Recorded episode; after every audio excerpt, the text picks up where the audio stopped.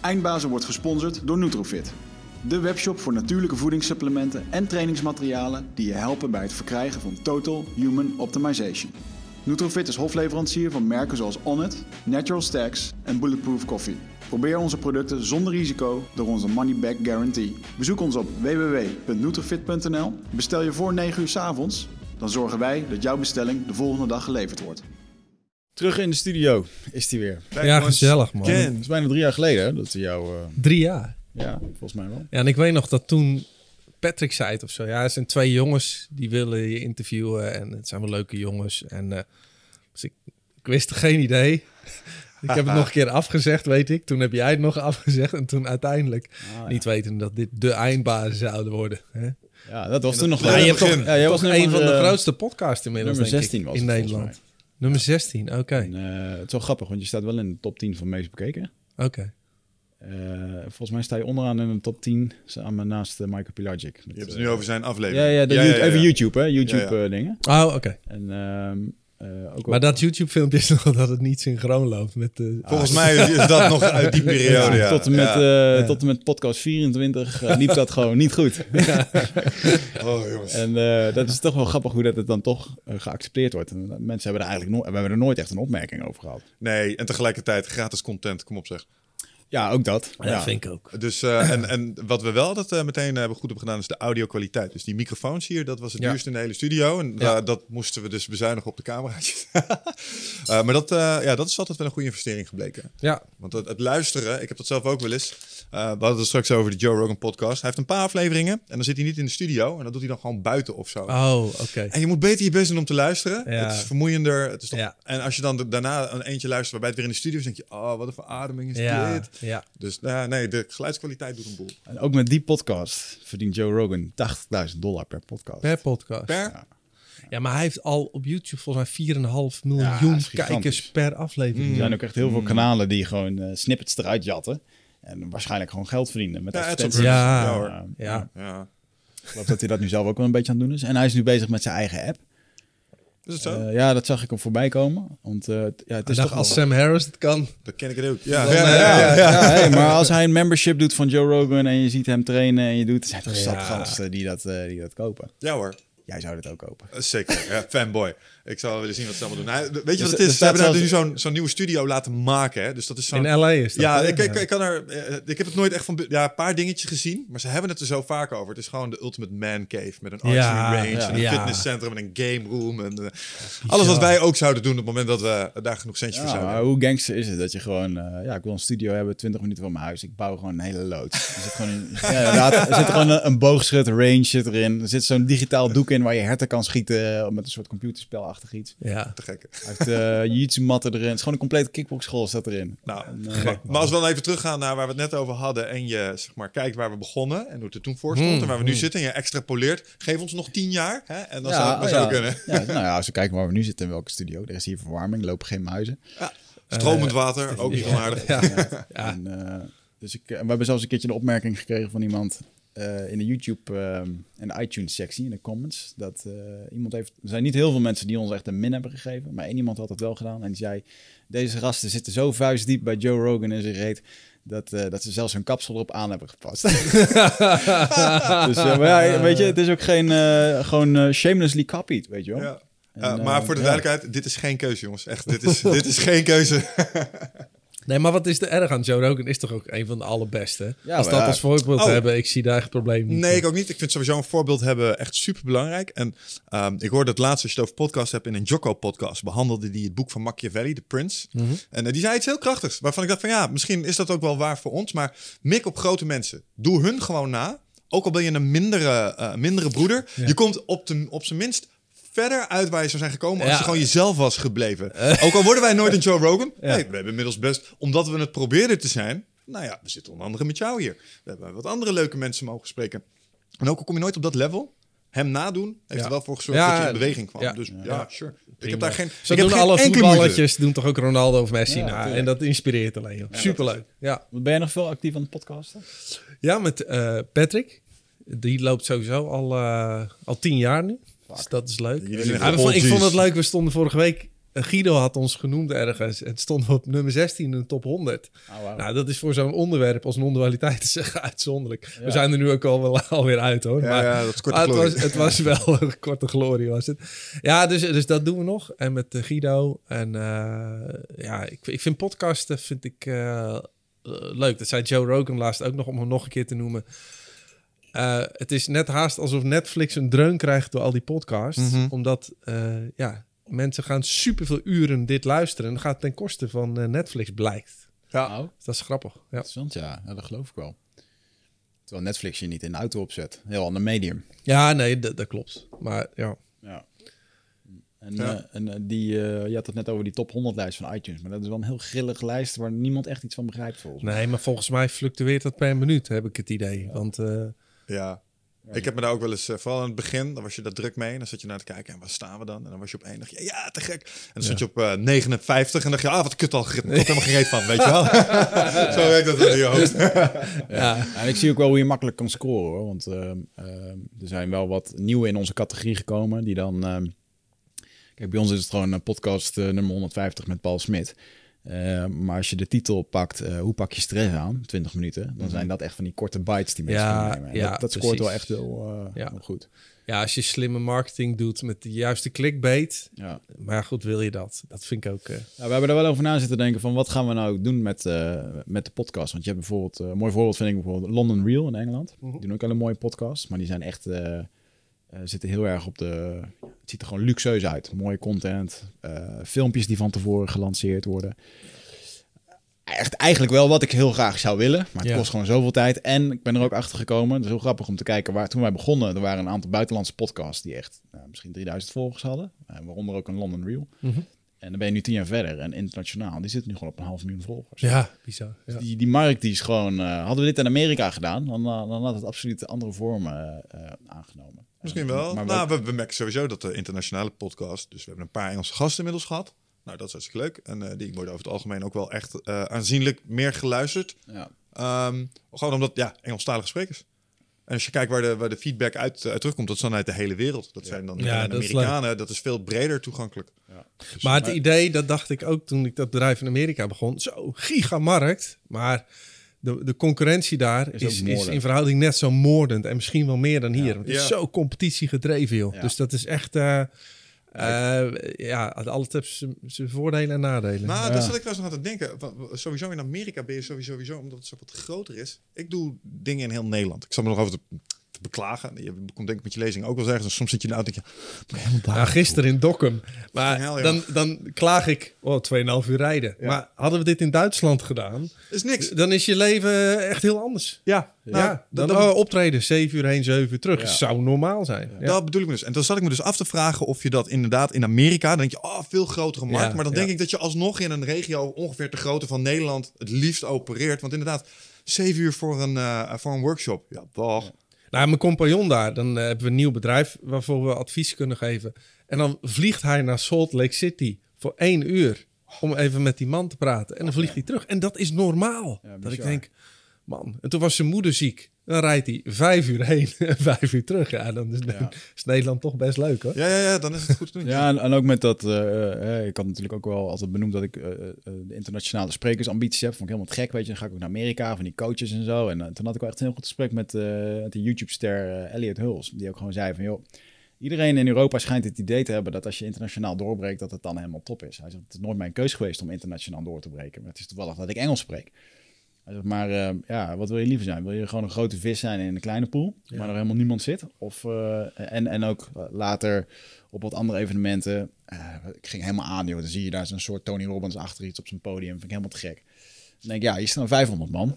Nou, die 500 man moet in Nederland ook wel lukken. Sterker nog, is al gelukt, weet je wel. En ehm, ja, dan komt inderdaad het reizen. Eventjes, als je daar drie keer per week moet spreken, dan ben je alleen maar in een vliegtuig bezig. Ja. Als je hier drie keer per week moet spreken, dan zit je lekker in de auto en dan kan je je gezin nog naar bed brengen. Ja, in de file. En daar zit je dan over te mopperen voor een Ja. drie kwartier. Soms een uur als je pech hebt. Ja, Ja, ja, nee, maar deze, Ja. ik had laatst een aanvraag of ik eh 20 minuten wilde optreden in Texas. 20 minuten. Ja, ik zeg, sorry, maar ik ga echt niet 26 uur in een vliegtuig zitten om 20... Nee, maakt niet uit wat je betaalt. Nee, echt niet? Is Nee, dat niet ik, van ik zeg nee, ik zeg sorry. Dat, Oh. Hier leg ik mijn grens. Ah, ja. Nee. En dat is gewoon nog een grens voor je eigen Nou ja, eh, ja, ik vind vliegen niet zo leuk. Ja, ik ben er niet bang voor of zo, maar ik vind het gewoon saai. Ja. En dan 26 uur lang, of omdat je 20... Nee, ja, nee. Ja. ja, dan is dat niet heel... eh Ik, deel die mening overigens volledig. Ik, ik weet niet, hou je überhaupt van reizen? Of alleen op dat soort Nou extreme ja, afstanden? eh, re- reizen, als ik op vakantie ga, dan is het leuk. Oké, ja. Maar, maar voor mijn werk vind ik het eh, laatst ook Barcelona. Dat klinkt, oh, optreden in Barcelona. Ja. Nee, je gaat om half zes je bed uit. Het is alleen maar op vliegvelden zijn. Met een taxi brengen ze je heen. Je treedt op, taxi terug, weer vliegveld. En s'avonds zit je thuis en denk je, so, what just happened? ja, ja, ja, ja. dus ja. het- is echt leuker om gewoon eh, in Amsterdam een optreden te doen en dan naar huis te rijden. Ja. Ja. Ja, kan je dan niet een eh, driedaagse Barcelona Nee, want dan maken? daarvoor en daarna zitten ook weer optredens. Dus dit- het is vaak zo gesquashed dat het... eh, Ja, bizar. In de categorie luxe problemen. mm. Dus, eh, Ik klaag ook niet. Nee, nee, nee, Ik zeg nee, maar ik snap hem Dat. Nederland niet zo verkeerd is om dit werk in te doen. nee. Maar, maar terugkomend op wat we nu met de podcast willen, want de London Real Day is natuurlijk heel gaaf. We hebben steeds ontzettend veel content, mooie content, en, maar ja, beperkt aantal mensen. Dus we hebben nu de Joe Rogan manier gaan we doen. Live streamen, Tof. en gewoon content rammen. En eh, ja, weet je, want ehm, als je het hebt naar over alle eindbazen van Nederland. Als je alleen al kijkt, eh, als we iedere week eentje zouden lanceren en je kijkt naar, eh, noem eens eventjes, we hebben niks met voetbal, maar laten we die even waarderen. De voetbalteams in Nederland, er zijn Mhm. echt heel veel eindbazen. Dan heb je de, van de judoka's tot alle andere sporters, zijn er al honderden. Dan heb je nog de entertainers, de sprekers, de, de, de directeuren. Er is gewoon een overvloed aan mensen die... eh, die wat Nou, voorbeeld, we krijgen best wel vaak tips van luisteraars. Waar we, eh, we zetten ze wel op een lijstje, maar we kunnen er echt niet van alles mee. Om Nee. de reden, we kunnen maar, we doen nu twee opnames per week. We brengen er één per week uit. We hebben een voorraadje. Ja. Ehm, en als we dan inderdaad eh, als doel hebben om eh, ooit een keer de koning te spreken en je, en je moet zeg maar zoveel mogelijk nummers maken, ja, dan zijn, ben je misschien nog wel twee, drie jaar bezig voordat je genoeg nummers hebt gemaakt. Wat nou als je er drie per week gaat uitbrengen? Ja. Bijvoorbeeld. Het is niet onmogelijk. Als je productieproces verandert. Dus vandaar dat we zaten te kijken naar ander materiaal. Dat is- ja, maar neemt je aantal followers dan ook daadwerkelijk toe, vraag ik me ook Ja, af. maar Ja. De, de mensen die... eh, er, is een, er is een grote groep die alles luistert. Ja. Maar er is een nog veel grotere groep die sporadisch luistert... omdat ze jou interessant vinden of een andere gast. Want dat vind ik wel een beetje het verhaallijke hiermee. Of tenminste, het is ook, enerzijds is het mooi, maar anderzijds het verhaallijke. En dat is denk ik ook waarom Netflix eh, hier zo onder leidt. Men gaat tegenwoordig heel gericht zoeken. Ja. En, en dan word je twee uur meegezogen in een verhaal. Maar als je twee uur naar iemand moet gaan luisteren die niet interessant is... ja, dan, dan Is dat zo? uit. Ja. Als ik kijk naar mijn podcast eh, Gedrag zelf. Er zijn er vier en die luister ik.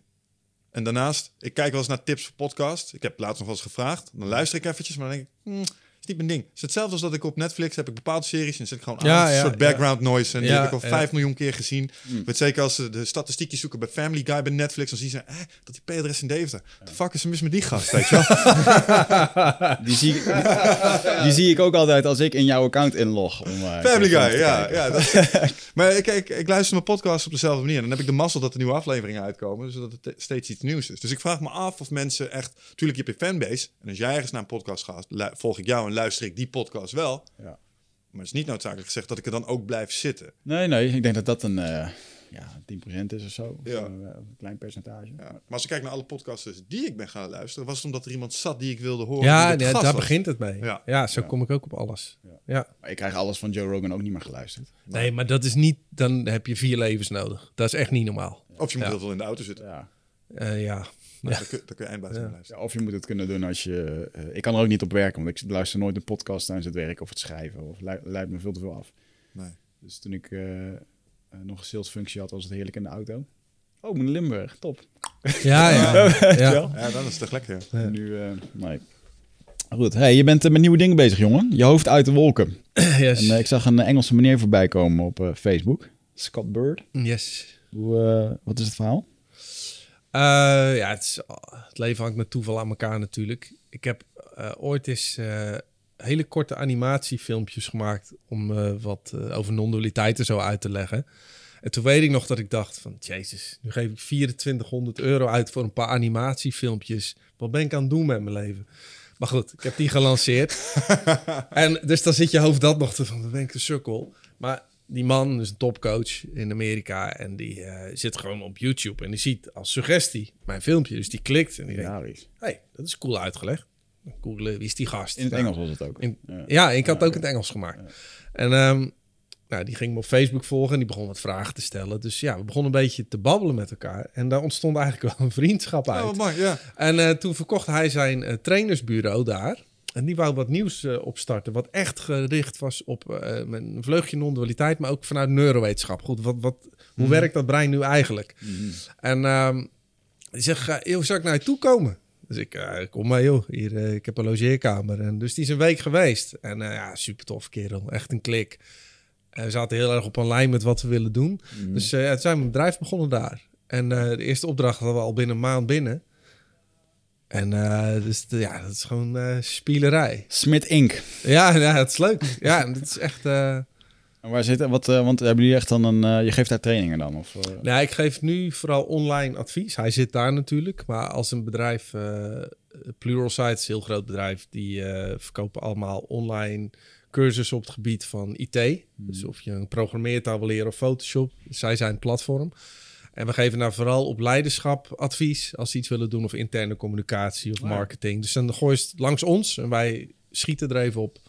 En eh, ja, dat is echt heel makkelijk om te doen, maar ook leuk. ja. En hij coacht dan ook nog eh, hun eh, leiders. Dat doet hij erbij.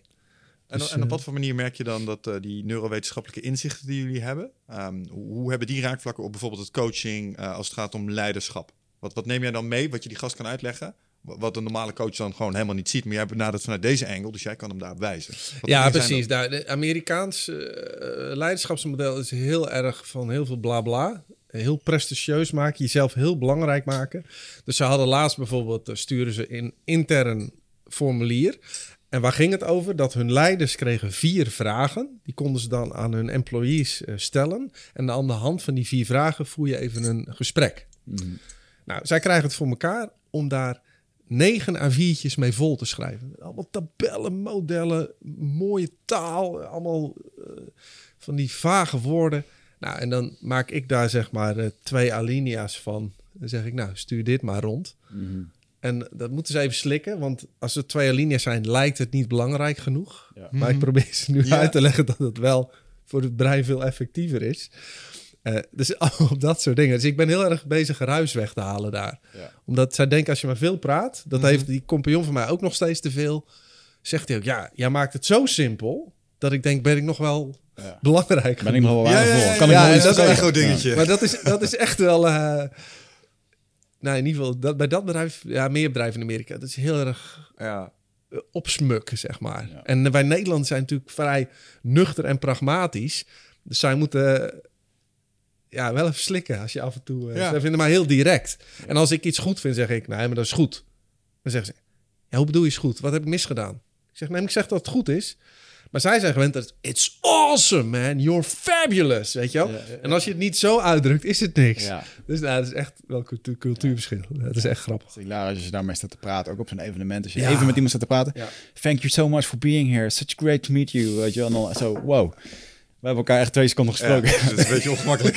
Ja, nou ja, er- ergens is het wel grappig. Want ik vind het wel heel mooi dat bijvoorbeeld de service die je daar in restaurants krijgt. Ja, wat, want eigenlijk de service in Nederland is gewoon zo slecht. Ja, ja. Ik zat laatst nog aan te denken. Dat is een mooi business idee. eh, wat ik niet zelf ga uitvoeren. Maar gewoon een restaurant beginnen in Amsterdam wat service heet. Ja. dan gewoon, dan gewoon je personeel zodanig trainen dat echt alles gewoon fucking goed is, weet je wel. En dan Mhm. is het maar gewoon een gratis watertje bij je koffie of dat soort dingen. En ik weet zeker, dat zou echt als een tierenlier lopen. Ja. Ja. dan moet al die koffietentjes... eh, ligt ja. wel in je definitie van service. Als dat zo'n hoverende ober is die op alles wat je doet loopt te letten. Dat heb ik ook al eens meegemaakt. Nee, Bij maar- een restaurant in Deventer. Echt om de vijf minuten stond er iemand aan je tafel. Gaat het goed? Was het smakelijk? Weet je wel? Dat je echt zo... Gozer, volgens mij ben je het hele gesprek ook nog aan het meeluisteren. Ook krijg ik zo meteen ook nog ongevraagd advies van je. Eh, Nee, ik was een keer op Dubai en toen uh, we hadden een tafel en dan krijg je je privé uh, bediende. Maar die staat gewoon twee meter verder Ja, naast je tafel te wachten. Irritant, dat is wel Zo awkward. Fucking ongemakkelijk. Mag ik je betalen om weg te gaan, weet je? Echt, Ja.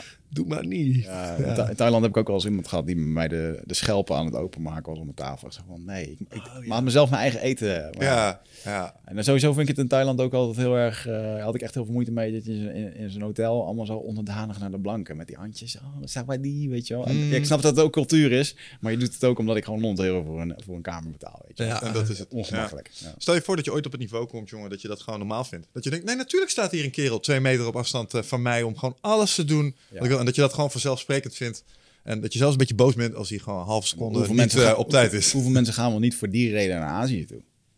Nou ja, dat is ook Zo Gewoon, ja, nee, ja, gewoon eh, ja, koninklijk. Hè, eh, met, met het geld wat je daar hebt. Het geld waar je hier Ja. een bouwvakker mee bent. Maar je hebt natuurlijk in, in Amerika ook al die, die compounds waar al die miljardairs wonen. Hè? Daar, daar staat echt een hek omheen hoor. En die Mhm. hebben allemaal ook bediendes. En een, een kind heeft gewoon standaard drie, vier nannies. Gewoon, dus ja.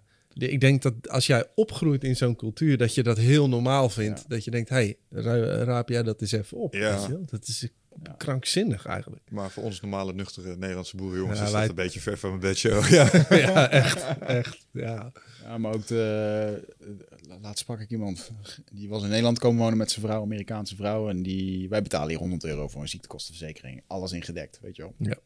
Daar betaal je honderden euro's per maand voor een ziektekostenverzekering. En als je zwanger raakt en je gaat bevallen, dan betaal je gewoon 10.000 euro cash bij, de, bij zijn privéziekenhuis voor die bevalling. Mhm. Weet je, dus, eh, zo zit dat inclusief. Het is Ja. verzekering, jongen, dat is echt... eh, ik snap wel dat het... eh, enerzijds heb je natuurlijk de rijke eh, compounds, maar je hebt ook natuurlijk de trailers waar je langs kan rijden. Ja. Het zijn gewoon voetbalvelden vol met mensen die echt helemaal niks te Ja, krabben die leven van paycheck naar paycheck. Hè? Ja. Dat is echt Goed een hele Ja. grote groep. Ja. En het is gigantisch. En dat is wel echt gewoon... eh dan moet ik altijd denken bij van die Mad Labs in, eh, in, de, in, de, in, de, in de woestijn, weet je wel. Ja, ja, Met ja. de rode pet van Donald Trump. Ja, ja. We want change, man. They're taking our jobs. zeg maar, wat, wat voor werk doe je dan? ja. God, guts and guns. We don't dial no 911's. Dat heb ik een keer in Nevada achterop zo'n hele grote pick-up zien staan. Weet je wel, zo. Oké. Dit soort mensen. Ja, ja, fantastisch. Land al. Vind je dat leuk in Amerika? Om, eh, zou je daar kunnen wonen? Nee, ik, ik ben eh, echt heel nuchter, vind ik. En eh, ik vind het grappig, maar het is mij te veel over de top. Ja. Dat, Ik zat er eh, net nog aan te denken dat ehm, ehm, bij Nederlanders hebben dan die nogal directe pragmatische in, insteek. Die reputatie hebben we misschien ook wel. Ja. Misschien is dat ook wel heel sterk onderscheidend vermogen en kom je er daarom mee weg. Zeg maar daarom dat die Nederlanders die zijn toch zo lekker lomp direct. Ja. Maar moet je nagaan hoeveel eh, energieknikkers of productiviteitsknikkers er over zouden blijven als je dat stuk gewoon uit een cultuur kan schrappen. Ja, Volgens ja. mij hebben ze dan 50% meer tijd over of zo. Maar dat geldt bij ieder bedrijf. Hè. Als we de ruis gewoon weghalen, dan, dan heb je al 70% rommel en dan gaat opeens het bedrijf lopen. ja. Dus ik vind dat we in bedrijven zijn we steeds bezig om nieuwe regels, nieuwe kernwaarden, om alles nieuw te formuleren. Ik denk, nou, stop ermee man, haal eerst de ruis weg, dan gaat het allemaal vanzelf. Ja, en alleen- zelfs, zelfs in die directe cultuur van Nederland is er dus blijkbaar nog heel veel ruimte. Ja, ja. Waar ontstaat die? Nou, die, die ontstaat eh, door angst bij mensen en door ego-spelletjes. Dat zijn de twee basispijlers waarom het drama ontstaat. Zeker bij die grote multinationals. Als ik al zie hoeveel politieke spellen daar spelen.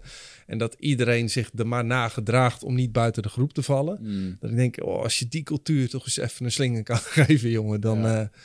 Ja. Ja, ja, ja, zo doen we het dan eenmaal, zeggen ze. Maar het, dat, het wordt er niet eh, vloeiender op, zeg maar. Nee.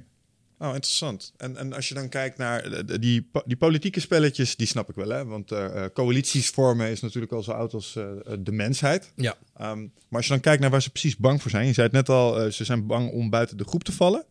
Of, eh, Dat sowieso, hè. Dus eh, dat is natuurlijk eh, al uit de oertijd. Hè? Als jij buiten de groep viel, ging je dood over het algemeen. Dus Ja. je doet er alles aan om maar eh daar binnen te blijven. Dus hoe jij je gedraagt, zelfs jouw mening is niet jouw mening, maar dit is gevormd doordat je dan bij jouw groep kan horen. Mhm. Dus zo zie je ook dat als je als eh, stagiair helemaal nog blanco een bedrijf binnenloopt, ja, de mensen worden niet zoals jij, jij wordt zoals die mensen. Er zijn ook je spiegelneuronen die dat allemaal kopiëren. Eh, dus daar zit een soort een fundamentele angst voor dat ik wil er niet buiten vallen. je wil conformeren. Conformeren. En dan heb je ook nog een hele groep mensen, eh, die is enorm, die denkt, ben ik wel goed genoeg? Eh, dus dan ga je al verkrampt handelen als het ware. En op het moment dat jij denkt, ja, ik moet op die positie komen, anders ben ik niet goed genoeg. Ja, dan ga je manipuleren. Nou, en dan als, als een aantal mensen dat gaan doen, wat eh, wel vrij vaak voorkomt, Ja, ja, ja. ja. dan krijg je dus heel gemaakt gedrag met iedereen die steekpenningen uitdeelt en met de ellebogen ergens wil komen. Ja, en dan snap ik dat heel veel eh, mensen die ik daar spreek, zal geen namen noemen, maar die zeggen ja, als ik jouw leven kon hebben, koos ik er direct voor. Zeg maar, ik krijg nu drie ton per jaar, dus ik zit aan een gouden ketting Mhm. en, en dus blijf ik er maar bij. Ja, want dat is ook angst, hè? Ja, Want als ik die drie... Ja, het, het krijgen is vaak niet zo moeilijk. Het vasthouden, daar, daar zijn mensen drugs mee bezig. ja. En eh, als, het dan, als het dan er niet meer is, is het minder of zo. Of is het niet goed meer. Klopt, we zijn de eerste helft van ons leven bezig om van alles te verzamelen. En de tweede helft zijn we bang om het weer kwijt te raken. dat is best wel Ja, ja, ja, ja. ja. Wat ik daar altijd zo fascinerend aan vind is, maar je- zei het daar straks ook al, het is een soort programmering vanuit vroeger. Dat, dat zit zo diep in de krochten Ja. van ons Ja. onderbewustzijn. Ja. Eigenlijk kun je alles, als we, het, als we het lang genoeg uitpakken, komen, komt het terug op angst op de dood. Eh, da- daar is heel veel, komt daar vanuit natuurlijk. Of in, ieder geval, of in ieder geval overleven. Je wil overleven. Ja, nou, je, hebt, je wordt natuurlijk gedreven door natuurlijke selectie en seksuele selectie. Dus je wilt eh, ten eerste bij je groep horen om te overleven. En dan wil je het liefst binnen die groep ook nog eh, degene zijn het hoogst op de rots. Mhm. Dus dat noemt Mark van Vught, je hebt het boek daar staan, die noemt Ja. dat Getting Ahead, Getting Along. Dat speelt. En eh, daarnaast is het seksuele selectie, die je wilt ook nog jezelf voort kunnen planten. Dus je doet er alles aan om maar de aandacht te krijgen van eh, eh, de, mensen om je heen. Ja, om het gene Om, om je marktwaarde, om je gene. Ja, je zegt altijd, we zijn een zak water met hormonen. En dat wil ik dupliceren. ja, Dus dat is, feitelijk is dat het ook wel een klinkt beetje. heel spiritueel zoals je ziet. Maar nou, dat is wel wat de, basis drijft van de Ja, mens. nou, ik zat daar gisteren nog een video over te kijken. Ken jij de, je had het over korte animaties. Ja. Ehm, tegenwoordig zijn die heel hip. Je hebt er een paar die doen het echt heel goed. En eh Kurzgesagt, Ja, dat, dat is er één van. Zo, maar die zijn mooi, zeg. Die zijn echt eh, kleurrijk en eh, informatief en dat soort dingen. Maar Wat die hadden, werk. ja. nou dat. Ja. 2600 uur vertelden ze in de laatste Ja. video. Ja. Met animaties en bewerken en zo. Maar die hadden dus een over bewustzijn. Ik weet niet of je die gezien hebt. Eh, ik denk het wel. En als wij het hier hebben over bewustzijn, dan gaan we heel vaak best wel spiritueel en over eh, jezelf waarnemen en dat soort dingen. En zij leggen eigenlijk uit wat de basis is van bewustzijn. Waar kwam het ooit vandaan? Ja. En bewustzijn was eigenlijk niet meer als het reageren op een prikkel van... ehm, ik ben verzadigd of ik ben onverzadigd. Dus Ja. ik heb eten nodig of ik heb niet eten nodig. Heb ik eten nodig, ga ik een bepaalde kant op bewegen tot ik eten vind. Ja. Ben ik verzadigd, ga ik weer terug. Ja. En dat was het begin. Ehm, en toen uiteindelijk kreeg je eh moeilijkere situaties die je moet oplossen. Want je eigen eten kon ook bewegen. Dus dan moet je het kunnen tracken. Ja, dus ja. ineens kreeg je iets van zicht. En dan, oh, daar is iets van waarde. Of daar is iets van gevaar. Dus want iets kan mij ook opeten. Ja. En toen ging het nog weer een stapje verder. Want toen dat spul wat kon bewegen zich kon verstoppen... moest je plots een kaart kunnen tekenen. Ja. Dus oh, ze zijn achter die steen verdwenen. Want dit is een 3D-ding. Dat was het volgende stapje in bewustzijn. En vervolgens was het laatste stukje... en daar zit het, en dat is waar wij bewustzijn een beetje beginnen te ontwaren. Ehm, als jij een soort eh, vis bent en ik ook... en ik ben mijn eten aan het verstoppen... en ik zie dat jij dat ziet... dan kan ik snappen dat jij dat eten later pakt. Ja. Dus ik kan, ik kan denken hoe jij denkt. Ik kan een inschatting maken van hoe jouw geest werkt. Ja. En dat heet theory of mind. Ja. En, en, zo, en dat is dan zeg maar, eh, eh, ja, dan, dan begin je gedrag te zien wat lijkt op dat van ons. Mhm. En dan gaan wij intelligentie herkennen in beesten ongeveer. Dat is wat ze me uitlegden. Maar als je dan kijkt naar al dat spirituele gedoe eromheen. Als dit de fundamenten zijn. Ja, nee, je ziet zelfs dat zelfs het, het idee dat jij jij bent, is, is maar een product van evolutie. Hè? Dus je was je eerst bewust van anderen. Want stel, ik leef met jullie in een groep. Op het moment dat mijn bewustzijn kan inschatten hoe jullie reageren, dan weet ik, bij jou kan ik wel wat eten jatten, maar moet ik bij jou niet doen, want jij maakt me af. Hè, dus dat bewustzijn maakt dat ik mijn kansen vergroot. Ja. En alleen daarna ben je ook een verhaal over jezelf gaan vertellen. Want als je dacht, hé, hey, als ik dus dit systeem enigszins kan inschatten, kan ik dus al enigszins voorspellen wat hij in de toekomst zal doen. En toen is zelfbewustzijn ontstaan. Dat is gewoon het verhaal wat je over jezelf vertelt, eh, zodat je ook weer je overlevingskansen vergroot. Ja. Ja. Dus, en eh, ja, Heel dierlijk eigenlijk. Nou, dat is het. Dat was, dat was een beetje ook mijn conclusie. Van ja, eh, wij- omdat wij heel veel van dat soort iteraties hebben gemaakt en steeds nieuwe functies erbij kregen. Net zoals dat eerst kunnen zien. Ja. Dus zo'n kaartje tekenen. En nu kregen wij eh plots Theory of Mind. Maar daarbinnen konden we ook allerlei spelletjes leren en zo. Maar het is zo duidelijk waar het vandaan komt.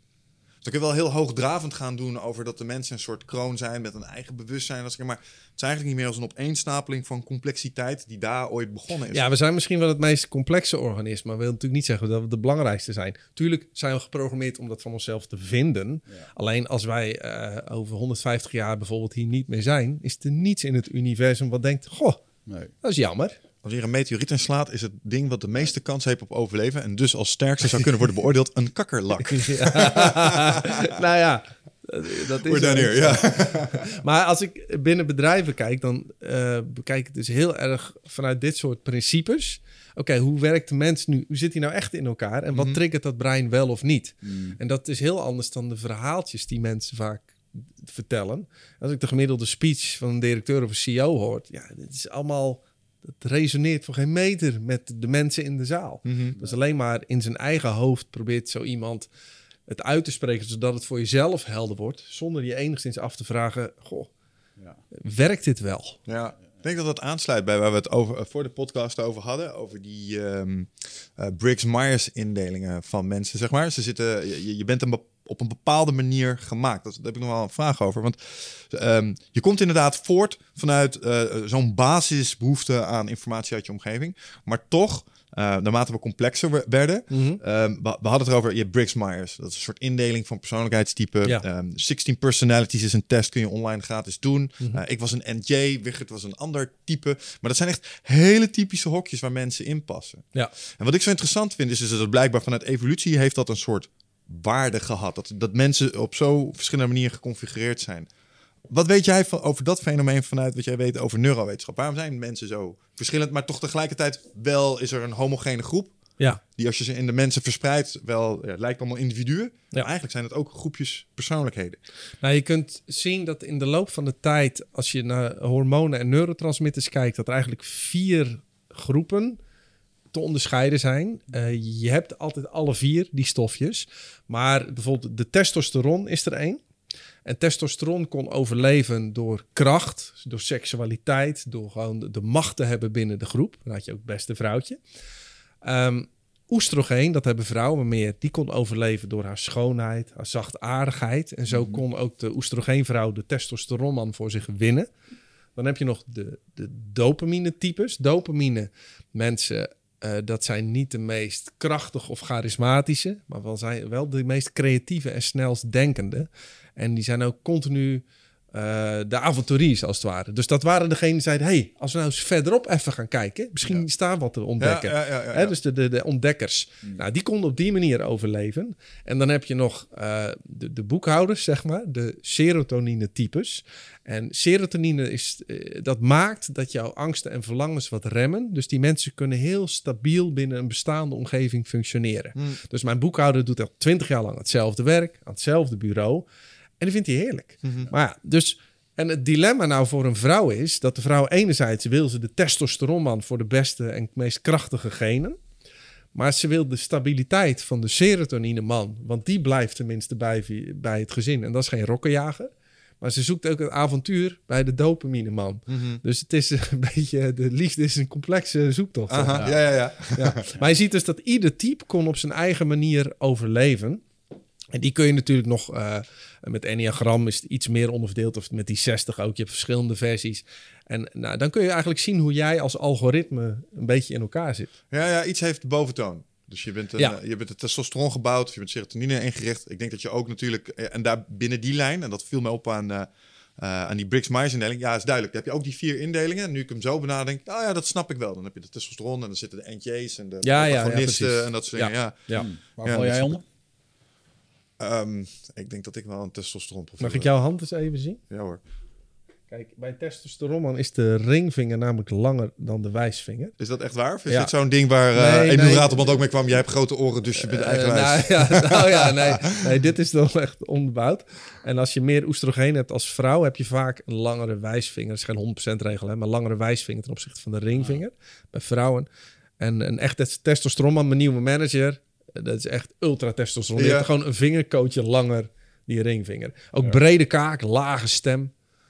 En eh, ja, dat is wel Ja. typische dingen. Ja. Nou, qua vinger zit het goed. ja. Nou, ik zet jou eerlijk gezegd ook wel een beetje in als een testosteron type. ja, dat vind ik dus grappig. Want als ik dan kijk naar eh, de sportschool waar ik vandaan kwam. Als ik daar dan kijk van, oké, wat is nu gewoon een testosteronaap? Dan viel ik daar niet altijd Nee, nee, Nee. Dus ik, als ik dit zo hoor, dan denk ik, ja, ik ben misschien wel meer die dopamine.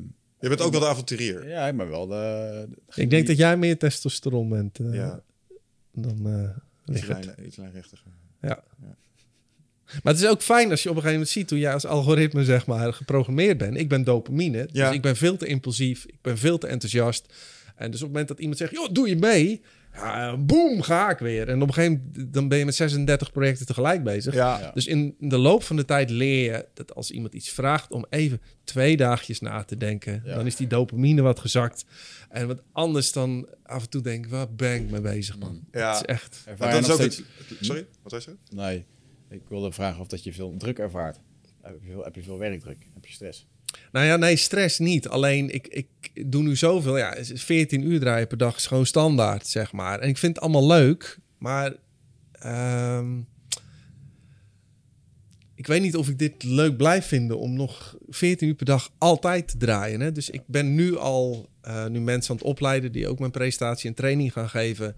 Uh, zodat ik een stapje terug kan doen. Ja. En, uh, en dus dat, dat ben ik in gang aan het zetten. Hoe, hoeveel ervan dat je het nu doet is eigenlijk gewoon on the grind zijn? When, when summer make hay. Zo van, oké, okay, nu is het wel tijd om te doen. Je zit ook in een bepaalde leeftijdsfase. Dus we moeten nu eigenlijk tegelijkertijd ook wel deze meters maken. Zit dat ook in?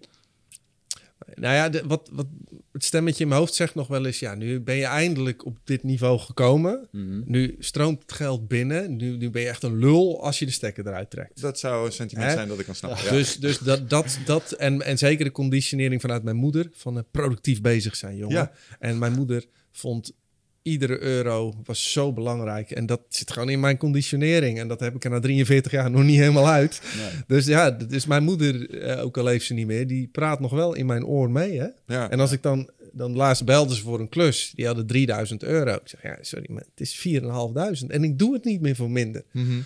En dan zeg ik nee. En dan komt mijn moeder, hè? ja, laat je 3000 euro liggen. Zo Ja. heb ik je toch niet opgevoed. En dan heb ik echt die avond nog last van. Dan baal ik dan zelf van, denk ik, nou, ik- nu is het klaar. Weet je wat dat is? Dat is Ja. je commerciële hart dat bloedt. Ja, nee, nou, maar, maar waarom? Want ik heb al genoeg, weet je wel. Dus het, het slaat nergens op. Nou, ja, ik denk, eh, je weet waar het vandaan komt. Het is die schaarste gedachte. nou ja, Maar wat- dat is ook. Want, want Eh, wie zegt dat het volgend jaar nog is? En misschien eh, drogen Ja. de klussen wel op en je weet het niet. Kijk, jouw brein is niet geprogrammeerd om te zeggen: het is nu genoeg. Hè? Die is geprogrammeerd: dit heb je en nu naar het volgende. Want je weet het nooit. Ik zeg altijd: als twee eekhoorntjes eh, vinden allebei een nootje. En de ene zegt heel spiritueel: het is goed zoals het is. Ik geniet van dit moment en dit is mijn nootje. En de tweede zegt: dat is mooi dat nootje.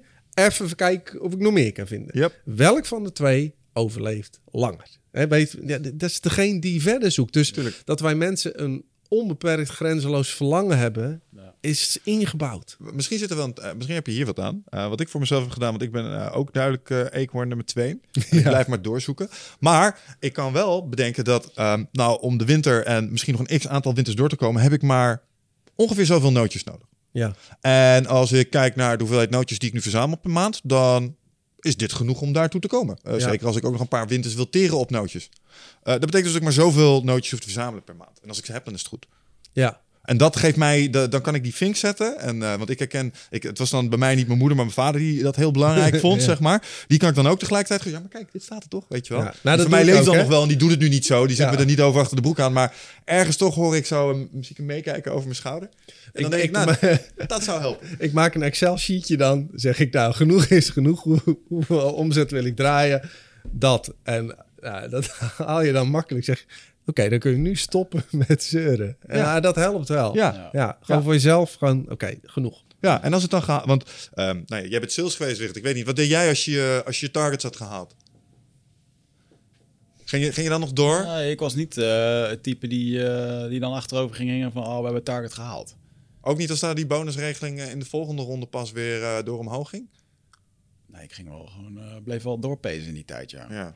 Hoe meer, hoe beter. ja, het is eigenlijk gewoon een soort speltheorie die erop kan loslaten. Want Ja, de benefit, maar, de extra eh, die erin er steekt, die is er niet meer. Het is wel een, ik weet heel heel goed, in het begin ging het niet zo goed.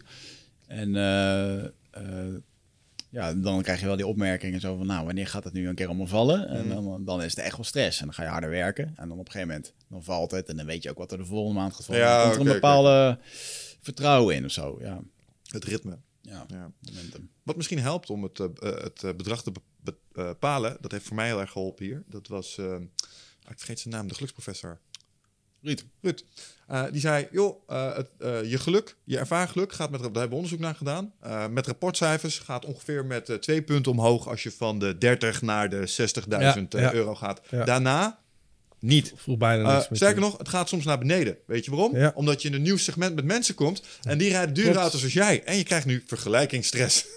Want jij hebt Ja. maar één boot en zij hebben er twee. Ja. Nou ja, dat, dat, is, dat is echt het dilemma van de miljonair natuurlijk. Ja, ja, dat, ja. Is, dat is dan het probleem. Dus Ja. als je wil kijken, oké, ik wil ongeveer 60k, eh, wil ik eh, netto vrij spelen per jaar. Ja. Ik weet trouwens niet of dat netto of bruto was, eh, eerlijk gezegd, waar Ruud het over had. Maar het was wel Ik denk, 60.000. denk als je in Nederland 60k netto pakt, dat Ja, je wel volgens mij is eh, het, eh, zit bruto. je flink hoor. Ja, Ik denk dat het bruto is, ja. ja, nou bruto. Maar daar kunnen ze bepalen. Nou, dan ga je iets boven zitten. Zeg je 80.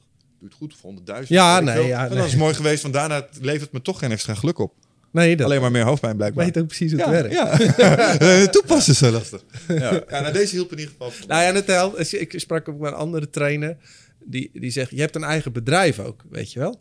Dus dan is er altijd dat stemmetje van, eh, ja, eh, maar het kan volgend jaar ook afgelopen zijn. Nou, hij had hetzelfde, hè. Dat zegt hij, hij heeft zoveel werk ook. Dat zegt, ja, en dan gooi je prijs omhoog en dan blijven ze maar komen. Maar je moet op een gegeven moment, wat, wat ik het gekke vind, is dat ik heel veel mensen om me heen, hè, ook die als sprekers beginnen en zo, die hebben allemaal geen werk. En die moeten weer bij zo- zo'n telecombedrijfje gaan werken.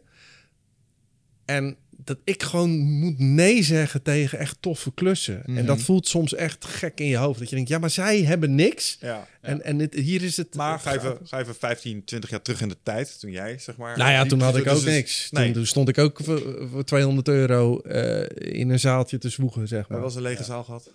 Oh man, ik, heb, ik ben zo vaak dood gegaan. Toen ik met cabaret begon, Ja. Eh, ik heb een keer voor zeven man gestaan. Ik heb voor dronken metalheads gestaan. Voor lamme studenten. En eh, nou ja, eh, als je het nu terugkijkt, dat, dat gewoon iemand totaal stoned het podium opkomt en je gitaar pakt en dwars door. Ja, dat mijn vader, die was met mijn chauffeur, nog die gast bij zijn kraag grijpt, de gitaar eh, terugritst en zo. Ja, nu lach je erom, maar op dat moment dan zit je met je prillenprogrammaatje waar je thuis zo hard aan hebt gewerkt. En dan, oh, dat doet pijn, jongen. Ja, ja, ja, ja. Ja, en eh, zeg maar, al die pijn, zeg maar, was de voorinvestering om dit nu lekker te Nou ja, ik dus had toen- er ook van. ik, ik, ik werkte toen eh, als IT'er één dag per week bij Mojo Theater. En ik weet nog dat toen eh, eh, was er een eh, avond met drie cabaretiers. En Gabriel Guzman was de laatste en die was ziek. Ah. Dus die directeur van Mojo, die krijgt een telefoontje. Hij, ja, hij is ziek. Heb je nog iemand? En ik was met zijn laptop bezig. Hij zegt, jij doet toch ook cabaret? Ik zeg, ja. Nou, dan moet je nu daar naartoe rijden.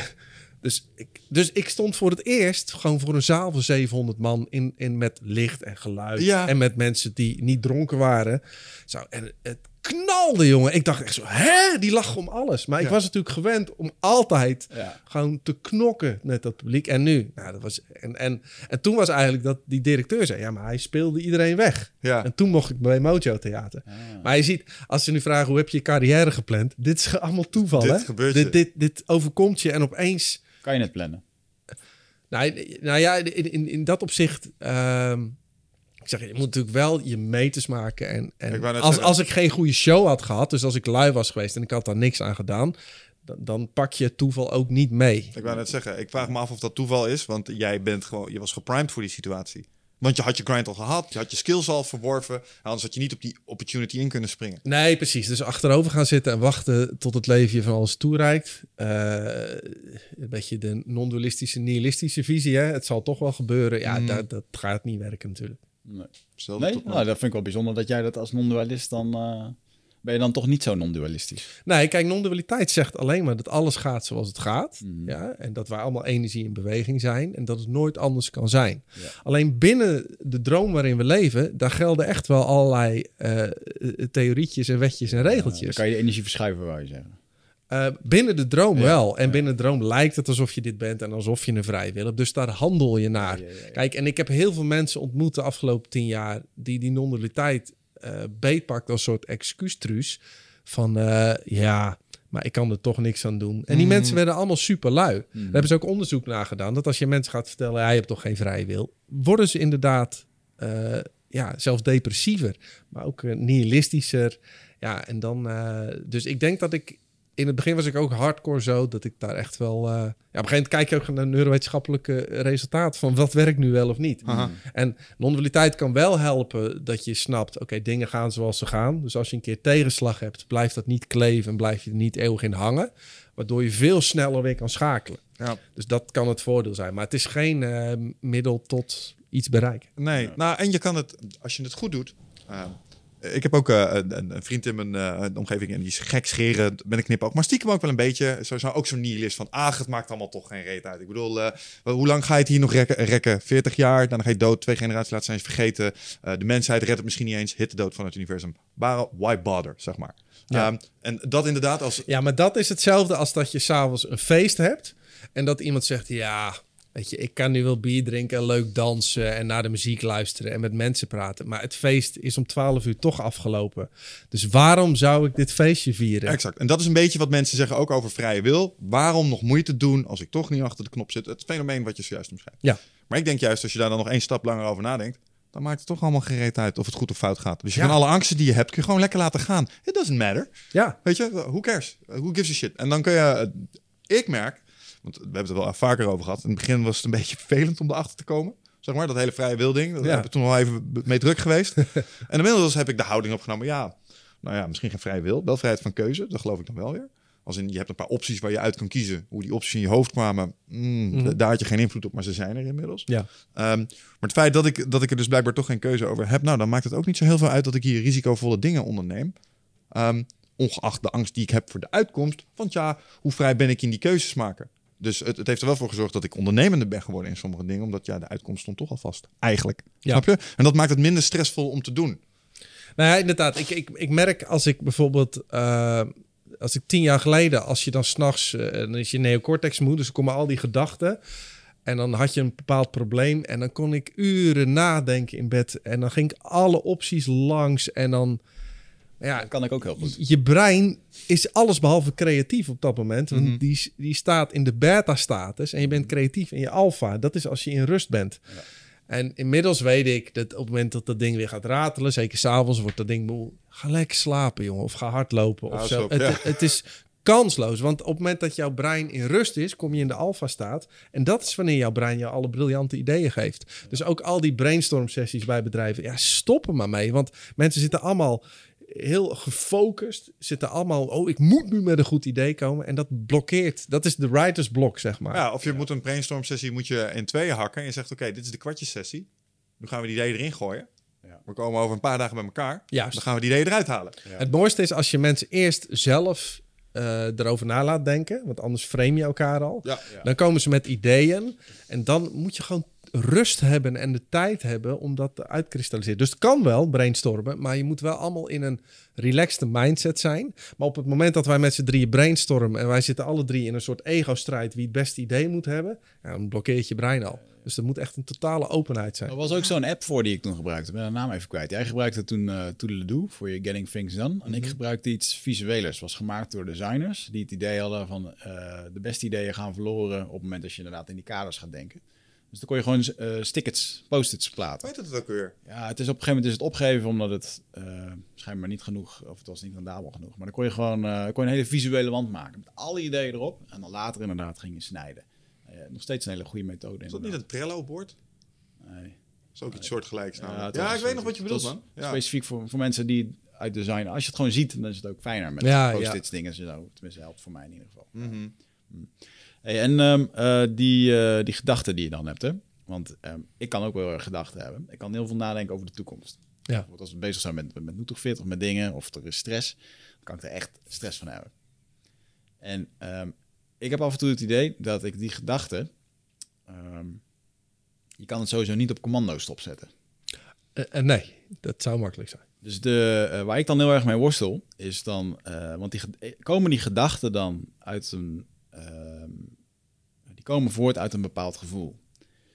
Dus daar probeer ik nu een beetje in te duiken. Hè. Dus ik heb bepaalde gedachten. Je ervaart stress. Uh, even heel plat gezegd, het schip gaat uh, zinken omdat er uh, een bestelling niet goed is gegaan. Weet ik ja, ja. Zo groot is dat je het maakt. Ja. Maar het komt voort uit, een, uit de conditionering. Uit de, die, die conditionering geeft je een bepaald gevoel. Ja. En um, ben je het ermee eens dat het gevoel zou je kunnen veranderen? Dat zou je kunnen neutraliseren? Is het iets wat je beaamt? Ja, maar het begint eerst met uh, snappen hoe je als systeem werkt, zeg maar. Hè? Dus je moet je eerst bewust worden van oké, ik heb nu deze gedachte, want die komt van dat gevoel. En waarschijnlijk komt dat omdat mijn moeder ooit zei, eh, ik noem maar wat. Ja. Um, dan kun je namelijk naar die oorzaak gaan en dat gaan doorzien. Want op het moment dat je in die gedachte gedachten probeert weg te krijgen met andere gedachten, ja, dat is bloed wegvegen met bloed. Dat, dat is never ending. Dus ehm, en voor mij geldt het dat ik op een gegeven moment besefte, ik creëer die gedachten helemaal niet zelf. Ik creëer die gevoelens ook niet zelf. Die komen ongevraagd in mij op. Ja. Dus daar hoef ik er ook niks mee. En, en dat maakt dat er dus een stukje loskoppeling komt, waardoor je die gedachten niet meer zo serieus neemt. Ja. En die gevoelens mogen er gewoon zijn, maar gevoelens, ja, die zijn er meestal drie, vier minuten, zijn ze alweer weg. Ja. Maar wij, ons brein is ingesteld dat als je een bepaalde emotie hebt, denkt jouw brein, dit gaat eeuwig duren. Mhm. En, en dan gaan jouw gedachten gaan dat probleem, gaan alle doemscenario's erbij verzinnen. Nou, en dan, dan op een gegeven moment, ja, dan snap ik dat mensen helemaal verkrampt liggen. Ja. Nou, je kan wel wat aan dat, eh, in de zin van dat gevoel. eh, het gevoel komt vaak terug. Dus het zijn vaak patronen. Dus als je bijvoorbeeld, eh, ik noem eens eventjes wat, dat gevoel omtrent geld, een schaarste gevoel, dat zit in jouw systeem. Ja. En eh, dat gaat dus ook meerdere keren terugkomen, mits je het op gaat lossen. En eh, eh, ik heb voor mezelf, wel- ik heb wel eens een keertje een goede sessie gehad hoor, met een regressietherapie sessie, waarbij je gewoon eh, gaat liggen en dan, dan neemt ze je inderdaad mee naar waar dat dan ontstaan is. En dan, bij mij was het ook in dat geval, ik ben met mijn moeder opgegroeid en mijn broer, mijn vader is overleden, dus mijn moeder was altijd aan het werk en er was eigenlijk nooit geld. Ja. Weet je? Dus er werd altijd opgehamerd van zuinig zijn en sparen. En, en het is super bizar dat je dat gewoon in een soort van herinnering eh terugziet daar. Ja. Eh, en dat zo'n mevrouw je er dan doorheen kan praten en dat vervolgens het gevoel neutraliseert. En dat gevoel, dat is inderdaad daarna niet meer teruggekomen. Nee. Is dat dan een placebo-effect of is het dan iets in je energiesysteem wat geneutraliseerd is? Nee, wat natuurlijk kan, dat op het moment dat er inzicht ontstaat, dat die verbindingen in het brein, die conditionering, die gaat milder worden. Omdat je simpelweg andere dingen meer gaat aanmaken. Dus je ziet wel dat daar een- door een verschuiving kan plaatsvinden. Ja.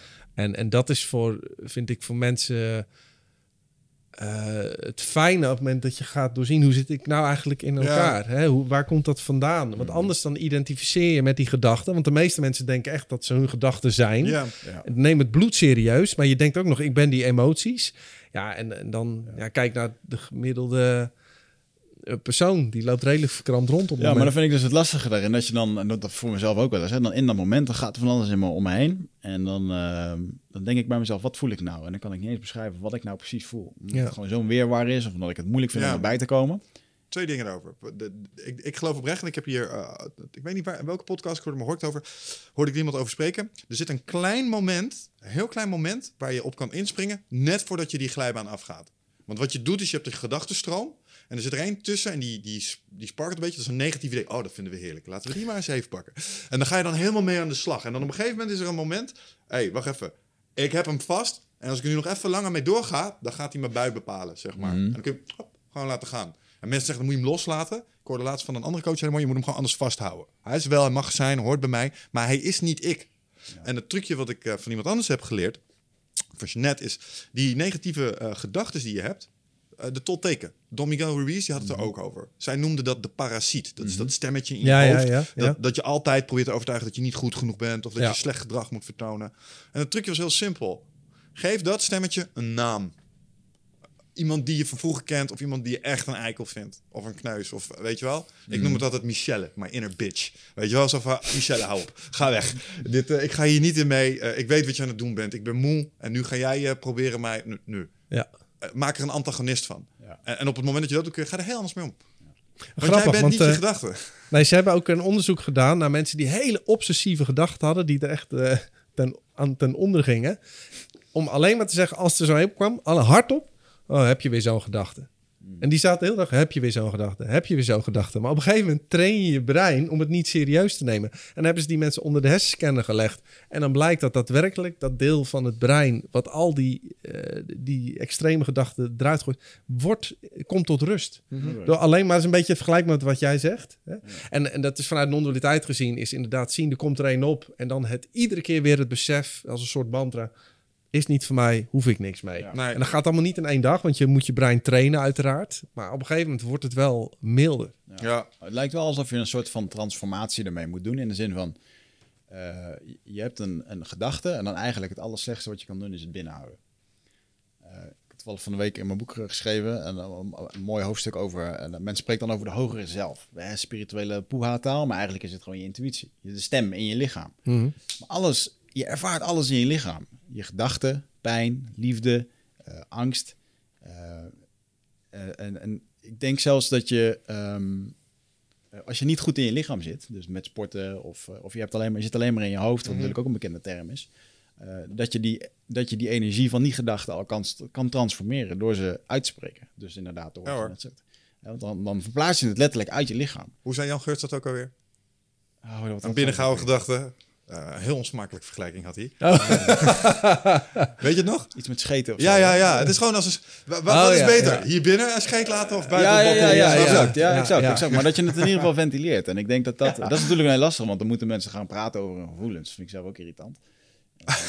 Eh, eh, want dat doe je dan ook weer automatisch niet snel, weet je wel. Ja, is dat zo? Ja, ik denk dat het Ik denk dat dat echt zo'n ding is, eh, ook van de persoonlijkheid. Ja, bescherming. Ja, dat ja, verschilt heel erg per unit. Zeker. En bescherming, zo van... eh, ja, maar ik heb dan het gevoel dat ik anderen lastig val.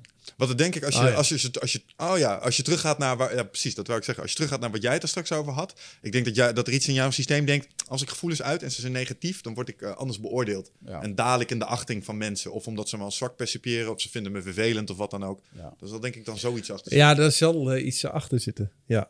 Met ook weer het risico dat als je... Ik ken ook mensen die zitten continu... Oh, nu voel ik dit, nu voel ik dat. Ja, Ja. daar kun je ook weer in verstrikt raken. Want ook een gevoel... Ja, de- als je het analyseert, dan is er drie, vier minuutjes... En dan is die alweer weg. Mhm. Weet je, het is, het is zelfs zo dat... Oh, ik heb liefdesverdriet. Au, au, au. En dan... Oh, oh Wigert belt. Hé, hey, hoe is het? Ah, ja. eh, al, alles weg. Niks Ja. aan de hand. En dan hang je de telefoon weer op. Zo, oh ja, oh, au, au, au, au, au. je Dus-. Ja, even huilen, hè? Even ja. huilen? Nee, dus die, die gevoelens, dat zijn ook gewoon wolkjes die voorbij drijven. En eh, die hoef je ook niet te ontkennen, ook niet weg te drukken. Maar je hoeft ook niet proberen het wolkje... eh, ben jij nou, want jij, bent- jij bent door een scheiding heen gegaan, hè? Of niet? Ik weet dat jij... Nee, ik, ben, dus, ik, Of- was, ik, eh, ik was niet getrouwd. Je- Of je niet gaan, maar Ja. je- ik weet dat je een, een, een jongen hebt. Samenwonend en kinderen en dan uit Klopt. elkaar vind ik, Ja. vind ik soortgelijke scheiding. Soortgelijk, ja. hoor. En, en was jij toen al op een punt dat je dit soort eh, materie eh, goed onder de vingers Toen, had? toen was ik er eh, net mee bezig. Ja. Ja. Hielp dat? Hoe dat?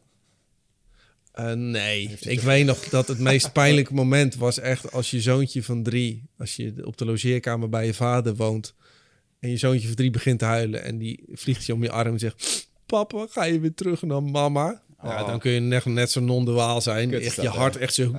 Ja, ja, ja. Natuurlijk. En, eh, en daarna heb je, ga je compenseren. Dus dan neem je die jongen naar ieder eh, pretpark mee. en die krijgt een onbeperkte hoeveelheid. nou, echt.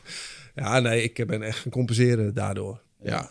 En nog steeds misschien wel. Ja. Ja, Ja, het mag er dat, nooit hè? iets ontbreken. Dat, eh, maar ja. Maar echt, heftig, echt heftige Ja. situaties is het ook wel fucking moeilijk om... eh, Ja, ja om maar uiteindelijk, uiteindelijk is dat natuurlijk ook gewoon met dat lichaam voel je en, en, en dat lijden. Ja, daar leer je wel heel veel van. Nou ja, gevoel is feedback, dat moet je nooit vergeten. Nou ik bedoel, eh, de- je hoeft je niet erdoor te laten regeren. Dus als het even een beetje tegen zit en je voelt je even niet lekker, dat ontslaat je niet van de verplichting om iets te doen. maar als jij echt heel erg kloot ergens over voelt, Ja. dan is dat informatie. Nou, de vrouw van eh, die, die compagnon uit Amerika, die had een mooie vergelijking. Die zei, eh, de gevoel is als de FedEx guy. Die komt een pakketje afleveren, neem het pakketje aan, maar stuur die man weer weg. Ah. Ja, je moet hem niet binnen laten op de bank zitten en laten... Nee, je pakt de boodschap en dan stuur je hem weg. En dat vond ik wel een mooie metafoor. Ja, ja, ja, ja. ja. Ja, ik heb dat, eh, daar wat meer, laatst ook wat meer inzicht. Heb die ook wel eens vaker over gehad. Vera Helleman had een boekje. En eh, ik, ik, ik, ik kan best wel opvliegend zijn. En toe. Ik kan boos worden om dingen. Ja. Eh, en ik snap het nu veel beter waarom. En, en dat betekent dat ik in mijn interne systeem veel beter mee overweg kan. Want ineens voel ik iets. Oh ja. En denk ik, en normaal zou ik dan gaan. En nu denk ik, ja, maar dat is omdat dit is gebeurd. Oh, en nu kan ik uit. Want Ja. daar zat hij. En dan kan ik daar het over hebben. Dan wordt het constructief. En dan verdwijnt het. Net wat je zegt. Het was, maar het was wel informatie. Want ergens ging er iets waar ik gewoon, ja, Ja, maar op een gegeven moment zie je dat het inzicht sneller is dan de impuls. Ja. En, en dat is het moment, ook met gedachten, waarop er een verschuiving gaat plaatsvinden. ja, ja het blijft fascinerend. Ja, vooral omdat ja, het, het kleurt je dag zo. Eh, ja. Emoties bepalen zo erg of een dag wel of niet eh, slaagt. Snap je wat ik bedoel? Ja. Als je, als je Ja. eh, echt Ja. een gemiddelde Nederlander bent, ik heb daar zelf ook wel eens last van. Ehm, of mijn takenlijst 100% wordt uitgevoerd, wordt 100% bepaald door hoe ik me hier de wereld ervaar. Dus hoe ik me erbij voel. Ja, je kiest het. Je doet het. Je doet het op basis van Ja. de emotie. Dus als ik me lekker voel, gaat het makkelijk. Als ik me kut voel, dan kan ik een gevoel aanspreken om, oh nou, discipline. En dan doe ik het alsnog. Maar eh, alles wat ik doe, wordt bepaald door die eerste Ja, initiële staat van, ja, Ja. wat is het, emotie? Je wordt wakker, je voelt je lekker of niet. En dan gaat daar algoritme A of B aan. ja, ja nee, zo simpel is het wel, ja. Maar vind je het... eh Edwin Selei, die was hier, die had het ook eh, ehm, een boekje geschreven. Breek je vrij. Hij is zo'n hypnosekoning. Oké. En eh, eh, het zou leuk zijn om jullie eens een keer samen op een podium te zien trouwens. Jullie hebben wel een beetje dezelfde soort humor daarin. Oké. Eh, maar hij, zijn stelling is, je doet het. Dus eh, veel mensen zijn depressief, maar je doet het gewoon. Het is iets wat je ergens hebt bedacht dat je gewoon wil doen. Je wil jezelf zielig vinden. En eh, Oh, zo. ja, daar was hij heel erg stellig in. En ehm, eh, het merendeel wat hij dus ook eh, helpt met zijn hypnoses... eh, dat zijn gewoon mensen die hebben ergens een keer besloten dat ze zich zo willen voelen. Ja. En zich daaraan vasthouden. Want het geeft ook ergens houvast. Hey eindbaas en luisteraar, dankjewel dat je zit te luisteren naar deze podcast. Ik onderbreek hem eventjes voor een hele belangrijke boodschap. Of misschien liever gezegd een uitnodiging. Want op 24, 25 en 26 mei, dan is er weer een nieuwe editie van Rite of Passage. Dat is mijn retreat voor persoonlijke ontwikkeling. En speciaal voor de mensen die op zoek zijn naar, ja, naar helderheid. Of dat ze lastig bij hun gevoel kunnen komen. Dat ze moeilijke beslissingen moeten maken. En dat ze zo ontzettend in hun hoofd zitten. Ja, dat ze er eigenlijk gewoon niet meer goed uitkomen. Of dat ze misschien al heel lang in een, ja, een soort van oud gevoel zitten. Dat ze dat gevoel willen transformeren. Of misschien wil je gewoon een oud stuk achter je laten. Ergens een punt achter zetten. En ja, zoek je misschien heling op iets wat, wat je te lang hebt weggeduwd of, of hebt vermeden. Nou, daarvoor wil ik je uitnodigen op 24, 25 en 26 mei om in een retreat mee te doen waar de inhoud van het programma geheim is. Waar de belofte is dat het oncomfortabel wordt. Want jij begrijpt als geen ander dat als je die volgende stap wilt maken, ja, dan zul je uit de comfortzone moeten komen. En ik garandeer je, laat mij dat proces begeleiden met jou voor drie dagen. En je leven zal daarna nooit meer hetzelfde zijn. Eh, Gemiddeld beoordelen de deelnemers het met een 9,2. En daar ben ik ontzettend trots op. Er is ook een money back guarantee. Heb je de drie dagen vol, volbracht en vind je het niks, krijg je gewoon je geld terug. Dus het enige risico wat er is, is dat je gelukkiger kan worden. Ik zie je Bride of Passage. Ga naar wichertmeerman.nl en klik op retreat. Want je, doet je doet blij of je doet verdrietig, is wat je zegt. Ehm, ja, of je doet depressief. Dus je Ja. bent het niet, maar je doet het. Ja, exact. Ah, Ja. ja. Doe me denken aan iets wat Noël eh, mij een keer geleerd heeft. Als je dan, eh, dat doen eh, jongens uit Defensie, ik geloof marathonlopers ook. Als je moe bent en je hebt geen zin meer, ga maar hardop lachen. Ook al vind je het niet grappig. Oh ja, ja. Je gaat je beter voelen. Je voelt je echt een idioot als je het eerste keer doet. Dat kan ik je verklappen als jij Ja, ja, op zo'n zandweg loopt. Wat leuk, dit, ik kan wel janken. Maar het doet wel echt iets met je emotie. Ja, nee, ja. klopt. Ja, je houdt je brein een beetje voor de gek. Maar het werkt wel, ja. Ja, emotion through motion of zo noemen ze dat. Oh ja. Dat heeft ook te maken met dat, eh, hoe heet die mevrouw ook weer? Met die power poses. Amy Cuddy. Ken je dat? Nee. Is dat van van een fitnesskalender of zo? Nee, nee, nee. Amy Cuddy heeft ooit een eh, TED-talk gedaan en die vertelde over eh power positions. Dus Ah, eh, ja. dat is het verhaal dat als je een blinde vraagt beeldoverwinning uit, die nog nooit een plaatje heeft gezien Oh, ja. van die overwinning, die automatisch handen zo omhoog. Oh ja, Dat is ja. een soort universeel gebaar Ja. voor overwinning bij mensen. En Ja. mensen die, nou, beeld iemand uit die verdrietig is. Allemaal zo, zo zitten. En het blijkt dus dat als jij deze houding aanneemt, ga je automatisch ook zo voelen. En als je zo gaat staan, wordt je uplifting. En haar tip was, dus als je ooit publiek moet spreken en je vindt dat eng, ga dan even in de, de wc, gewoon even twee minuutjes zo Ja, staan. ja, ja. dus er zijn een aantal toiletten in theaters in Nederland waar ik even twee minuutjes zo Oh ja. handen in de lucht heb gestaan. Maar, ehm, maar het werkt wel. Nou, je ziet dat dus de omgeving eh, beïnvloedt jou continu. Hè, Het is al als je met schoenen aanwerkt, ben je al meer gefocust dan wanneer je op je sokken werkt. Hè, als je gewoon, je, je, al ben je thuis, als ik in mijn joggingbroek zit nog, ben ik gewoon slordiger. Ja. Dan, en, en het zit hem al, hoe, hoe zit je stoel, de geur, de temperatuur. En als er een poster hangt met iemand die jou recht aankijkt, dan denkt continu jouw brein zo, oh, ik word gecontroleerd. en dan ga je gefocust werken. ja, ja. Zelfs als zo'n poppetje staat, dit te doen naast je, ben je gefocust, meer gefocust. Ik heb ineens een geweldig product bedacht, jongen, voor eindbazen. Wij gaan posters drukken van ons. Ja, Ja. dat is heel streng zo. Ja, alleen mag maar. je op je kamer hangen, dat is dan een productiviteitsboost. Ja. Nee, maar ze hebben zelfs eh, eh, bij eh, koffiepotten, dan moesten mensen 50 cent doneren als ze koffie pakten. Ja, ja, ja. Nou, dan meten ze, ja, weet ik, heel veel mensen die denken, ja, ik pak die koffie, eh flikker maar op. Maar als je alleen maar een klein fotootje van een vrouw die jou recht aankijkt boven die koffiepot hebt, dan doet iedereen, oh, oh, ja, tuurlijk. Dus het is, het is zo grappig, al Oh, dat soort dingetjes. Wat maakt of Wig- je... Wigert niet. Wigert zou de pot pakken zo. Die zou dat laten zien. Ja. Zou het gewoon- Gewoon die vrouw aankijken, ja, die boog. Hey.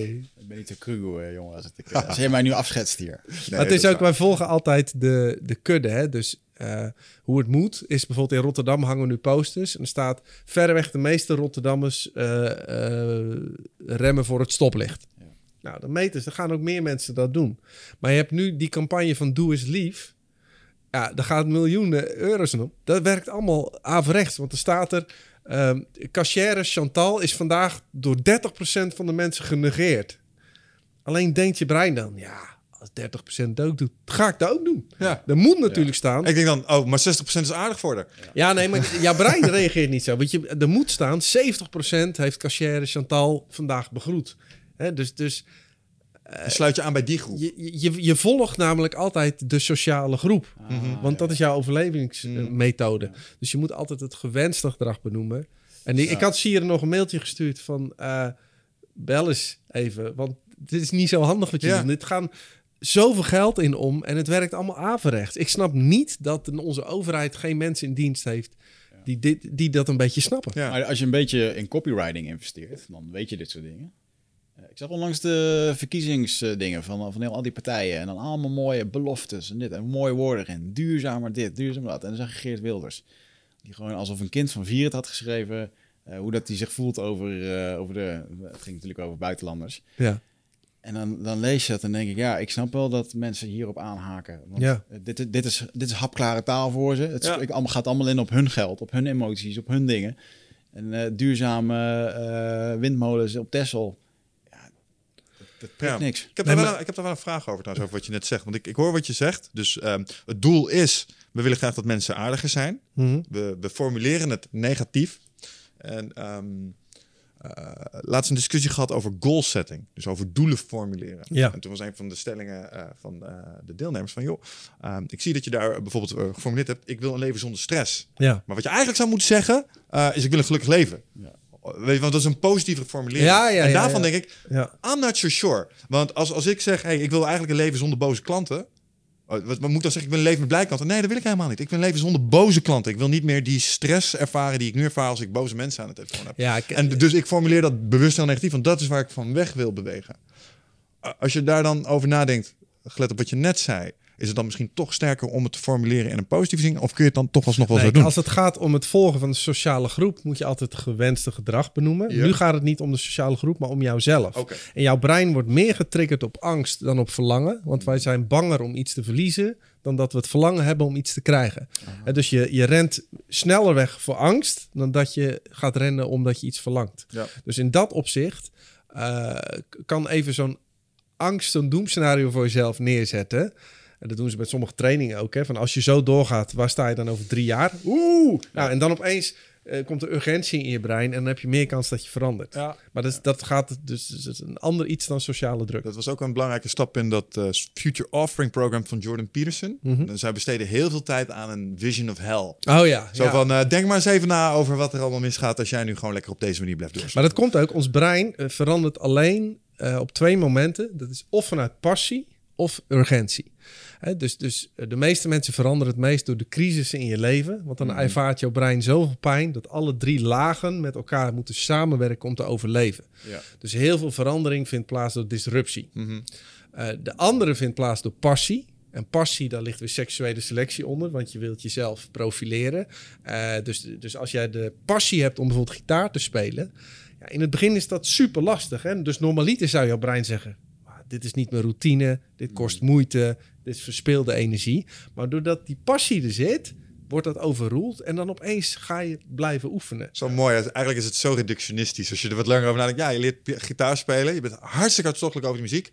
Maar onder de streep doe je het eigenlijk alleen maar omdat je dan op een podium kan komen staan en bewonderd kan worden door het geslacht waar je opvalt, zodat je daar eh, mee kunt meten. Eh, ja, Eigenlijk alleen wel. gelukkig is er natuurlijk in de loop van de evolutie wel ontstaan dat ik nu gewoon zeg, ik vind gitaarspelen leuk. Ja. Hè, het is niet als ik een liedje speel dat ik thuis denk, ja, dit, dit is doe ik. eh, ja. ja, nee. Dus, dus dat maakt ook niet uit dat dat daaronder zit. Ja. Eh, maar het, het gaat, kijk, mensen zeggen ook altijd, je moet doen wat je leuk vindt. Dat is niet helemaal waar. Want passie gaat veel verder dan dat. Iemand die iedere dag in de fitnessschool al die gewichten staat te heffen, vindt dat heel vaak helemaal niet leuk. Maar zijn overkoepelende doel is sterker. Eh, dus de passie is ook eigenlijk de welwillendheid om te leiden. Ja. En dus als ze mensen vragen, die, die eh, topsporters, doe je altijd wat je leuk vindt? Nee, belangen na niet. Maar het hoofddoel weegt zwaarder dan de weg daarnaartoe. Mhm. Dus, dus het is eh topsport is ook heel goed om kunnen gaan met vervelende dingen en met saaie dingen. Want Ja. als jij iedere dag gewichtjes moet heffen, duizenden keren, dat is, dat is helemaal niet leuk. Je moet gewoon uren maken. Uren Dus mij ziet ook in een bedrijf wanneer veranderen ze, of je creëert een urgentie, Mhm. dan komen ze in beweging, of je zoekt dan mensen naar passie. Eh, wat eh, soms lastig is, want als iemand alleen maar werkt voor zijn hypotheek en die zegt: Ik voel me wel comfortabel, dan is er aan beide kanten geen enkele trigger op dat brein om die veranderslag te maken. Mhm. Dus daarom geef ik ook geen trainingen meer aan mensen binnen een bedrijf die moeten. Nee, Ja. mensen schrijven met open inschrijving in dat ze vrijwillig naar mijn training komen. En dan vind ik het leuk. Maar, maar dat trekken, eh, dat heb je misschien ook nog eens gehad. Dan zit je aan zo'n zo'n zaaltje te trekken met die mensen die kijken van is het al pauze? Intern gepensioneerden. Ik vind het wel best hier. Weet je wel, ik kom hier mijn salaris ophalen. Ja. Ik, eh, hou op jongen, En ga er zit er zo'n man van 62 die denkt ik moet nog vijf jaar. Wat ging je ook alweer vertellen, knul? Ja, Ja, ja, nee. met. Of dat je vraagt, ja, nou ja. of dat je dan vraagt, van, wat brengt jullie hier? Ja, moet hier zitten. Ja, ja. Nou ja, dat is vaak wat. Ja, Ja, ja, grappig is dat eigenlijk. Maar ik begin mijn training ook altijd te zeggen: luister, ik weet ook alle onderzoeken naar trainingen, werken die? De Mhm. uitkomst is niet of nauwelijks.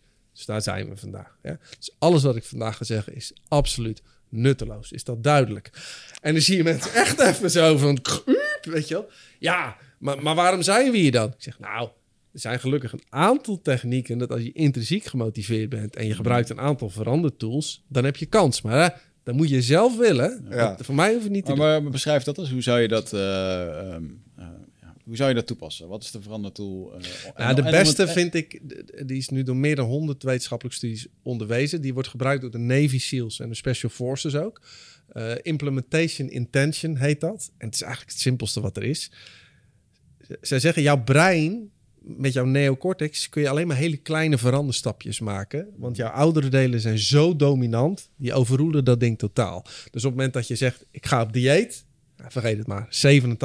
87% wordt gewoon zwaarder na het dieet dan ervoor. Dus je, die grote veranderingen die je wil, die lukken niet. Dat blijkt ook uit alle statistieken. Maar, ze noemen dat de 1%-regel. Als jij iedere dag een kleine micro-expressie doet, daar is je neocortex net sterk genoeg voor. En je blijft dat consistent herhalen, dan komt het in je reptiele brein, dan wordt het geautomatiseerd en dan wordt het je nieuwe gedrag. Ja. Dus ik heb heel de dag, ik eh, zit heel, helemaal vol de dag, dus ik begin al 's ochtends. Als eh, je moet een, een eh, if-then creëren, dus een als-dan, wat inhoudt. Als ik mijn eerste koffie neem, dat is het ankerpunt, Een anker, ja. ja. dan neem ik een glas water. Ja. Nou, dat heb ik inmiddels 66 keer herhaald, dus het zit erin. Ik doe onbewust automatisch plak ik nu een glas water. Als ik heb gedoucht, dan doe ik 20 push-ups. Nou, ik heb als ik s'avonds om 8 uur thuis ben, dan ga ik hardlopen. Ja. Nou, mijn hele dag zit vol met dit soort ankerpuntjes. Ik vind het leuk en ik probeer het nu met van alles uit. Bijvoorbeeld jong leren. Ik heb het laatste wat ik ooit zou willen leren is jong leren. Ik dacht, ga ik dat doen? Nou, en ik heb gewoon als dan gedaan. Dus als het, eh, als ik heb gegeten s'avonds, dan doe ik één minuut kleine Ja. jong leren. Nou, nu kan ik het moeiteloos. Maar het leuke is dat als jij bijvoorbeeld eh, Dave eh, Brailsford, dat is de Engelse coach van het eh wielrenteam wat die rondjes rijdt rond die banen. Die hadden in een eeuwtijd één medailletje gewonnen. En dat team was zo slecht dat zelfs leveranciers van hun onderdelen uit Europa wilden het niet meer leveren uit angst voor anti-reclame. Oh, wauw. Dus nou, die man die kende deze techniek. En die heeft gewoon gezegd 1% per dag. Dus 1% betere warming-up. 1% beter onderhoud aan de fietsen. 1% betere hygiëne. 1% beter slapen. 1% betere verbinding. En die is iedere dag een 1% gaan doen. En die won binnen drie jaar won die 7 van de 10 gouden medailles. Die is toen naar het Sky-team gegaan van het eh, Engelse de Tour de France team. En die hebben de afgelopen zeven jaar zes keer gewonnen. Dus, en wat doen ook de Navy SEALs? Ik deed dat ook toen ik bij de Rode Beretten zat. Dan moesten wij, voordat we op een oefening gaan, gingen we allemaal als dannetjes doen. Dus als dit gebeurt, dan doen we dat. Mhm. Als we in die situatie komen, dan dat. Maar ook als ik er psychisch helemaal doorheen zit, dan doe ik dat. En wat is het voordeel? Dat op het moment dat ik echt niet meer kon, had mijn brein was al getraind om te weten wat ik zou doen. En dan op, maar als je niet zo'n ankerpunt neemt met een hele kleine, concrete micro-aanpassing, dan gaat het je niet lukken. Ja. Dus, en eh, nou ja, dat, dat soort dingen zie je dus dat je eh, iedere dag door dat te repeteren, kun je veranderen. Je bent gewoon agile softwareontwikkeling op je hersenen aan het toepassen. Dat is het. Ja. Ja, dat is het. Ja. En het, is- het is een algoritme en die eh, herprogrammeer je op die. Maar dat is dezelfde waar we het net over hadden met gevoelens of gedachten. Als ik weer zo'n gedachten heb, dan zeg ik hem hardop of dan doe ik dat. Mhm. Dus als ik het stemmetje van mijn moeder hoor, dan zet ik in Excel hoeveel ik verdien. ja, ja. Noem het maar op. Nou, en dan met als dannetjes, dan eh, ja, ik, ik, ik pas nu vrienden van pas het ook toe. Ja, het is te gek. Mhm. Opeens ga je resultaten boeken namelijk. Ja, het is, heel, het is echt heel verhelderend, heel inzichtelijk. Ook voor mij nu ik dit hoor, denk ik. Ja. En het Want is zo simpel. Bijvoorbeeld dat Noël, wij moeten nu we gaan meedoen met de kennismakingsdagen voor het Korps Commandotroepen. Ja. Drie dagen lang worden we dan eh, behandeld. ja, ja, ja, ja, ja. en eh, daar moeten we voor trainen. En dan Noël had ons iets, eh, dat eh een trainingsschema gaat hij maken voor ons. En die zei, eh voortaan als je nu gaat tanden poetsen, dan doe je sta je op één been. En dat heb ik vanaf het moment dat hij dat heeft gemaild, doe ik dat. Was Eh, best moeilijk, hè? Ja, dat is best wel lastig. En dan voel je ook hoe erg je aan het corrigeren bent. Dus ik heb ook wel het idee dat, eh, eh, ja, grappig. Ik ben nog Maar- steeds benieuwd naar wat het train... Enkel kracht of coördinatie, een van de twee. Coördinatie, ja, interne... Het belangrijke is ook dat als jij... Je moet een microstapje doen. En het begint met een heel klein stapje. Want als je al een te grote stap neemt... krijg je al heel veel weerstand vanuit je Ja. primaire brein.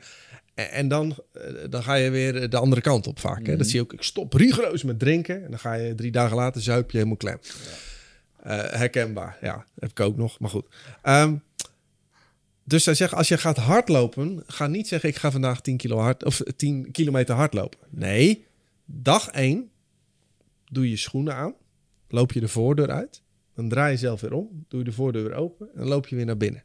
En doe je schoenen weer uit. Ja. Dag 2 loop je hetzelfde, 100 meter. En ik doe dat zelf ook. En de eerste dagen denk je echt, fuck ben ik aan het doen? Ja. Alleen, je traint je algoritme. Want op het moment dat jij dat vaker gaat doen, na een aantal dagen vindt jouw brein het al een normaal iets. Ja. Dus die denkt, ja, natuurlijk doe ik dat. Ik loop nu iedere avond hard, waar ik vroeger er een hekel aan had. Ja. En mijn lichaam vraagt er nu gewoon om, Mhm. om te gaan. Ja. Ja, en dan opeens, en met alcohol ook. Eh, ja, het is, ik heb nu, als ik in een restaurant zit, dan bestel ik thee. Dat heb ik al geankerd. Dat op het moment dat ik in die situatie kom waar ik normaliter een wijntje zou bestellen, Mhm. pak ik nu een thee. Ja. Lukt niet 100%, geef ik toe. Ja. Maar ik drink eh, nog maar 40% van wat ik deed. Dus Ja. dat, dat, eh, Het eerste gedeelte van wat je zei doet me eh, heel erg denken aan wat ik Jordan Peterson bij Jocko Willing hoorde zeggen. Dat is eigenlijk gewoon exposure therapy.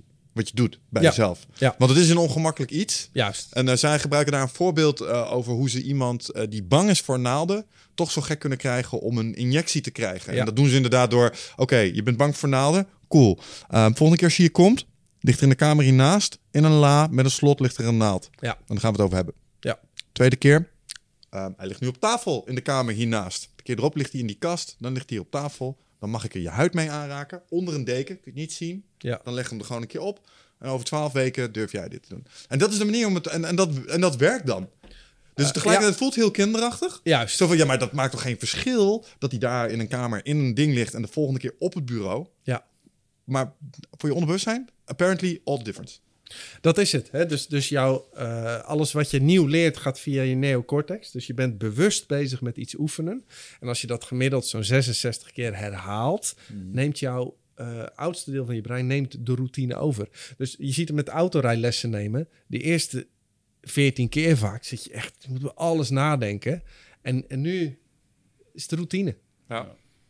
ja. en dus je moet op het punt komen. eh, ze zeggen ook, je moet niet willen veranderen. Nee, je moet je systeem, je routine, daar, daar moet je de aanpassing in maken. En dan moet je met kleine stapjes doen. Ja, klopt. Het is vaak, eh, de, dat, dat is wel grappig, want de meeste mensen die proberen de verandering door te zetten op basis van motivatie. Zeg maar, ik ben gemotiveerd, dus Ja, ik ga dat het lukt je doen. niet. Wilskracht is maar flauwekul. Het is geweldig om Ja. te starten, slecht om het af te maken. Ja, Dan juist. heb je iets anders nodig, dat heet een stukje discipline. Je Ja. moet even wat dingen doen die je ongemakkelijk vindt. En daarna wordt het dus inderdaad gewoonte. Juist. En that's where it's at. Want Ja. daar zit het helemaal Ik vond het interessant dat je 66 zei. Inderdaad, 66 dagen. Gemiddeld, hè? Ja, en ja, het ligt tuurlijk. ook... kijk, Sommige taken die simpel zijn, kun je al binnen 21. Maar als het heel complex is, heb je nog langer nodig. Ja. Maar het is best wel veel, hè? Dat je zoveel dagen nodig hebt. Ja, Om en er zitten ook fases in. De eerste Ja. 21 is vaak eh, is nog wel te doen. Nog dan heb je de doen. motivatie, juju nog een beetje. Ja. Het is uh, super belangrijk dat je dan ehm, eh, heel vocaal bent over de verandering. Ja. Dus eh, je moet gewoon lekker veel mensen vertellen wat je aan het doen bent. Ja. Dat heeft twee redenen. Eén, je vertelt het. Eh, dus mensen vinden er iets van als je het niet doet. En twee, je moet het jezelf even horen zeggen. Ja. Ja. Dus eh, dat is heel belangrijk. Net wat je zelf zegt, eh, van als, oh, daar heb je weer zo'n gedachte. Ja. Oh, daar heb je weer zo'n gedachte. Dat, dat, dat moet je zelf horen. Ja. Tweede fase is het moeilijkst. Dan moet je vooral eh, eh, heel erg inwaarts kijken. Want dat is het moment waarop iedereen tenminste één keer ermee stopt. Zo van, ah, Ja, ja, ja. ik, ik, ja. ik kop Ja. ermee, ah, Ja. dat lukt mij toch niet. Ja. En dan is het belangrijk dat je jezelf even herinnert aan... maar waarom was ik het ook alweer begonnen? Daar komt die schrijfoefening en visie van de hel Juist. weer om de hoek kijken. Ja, ja. Waarom deed ik het ook alweer?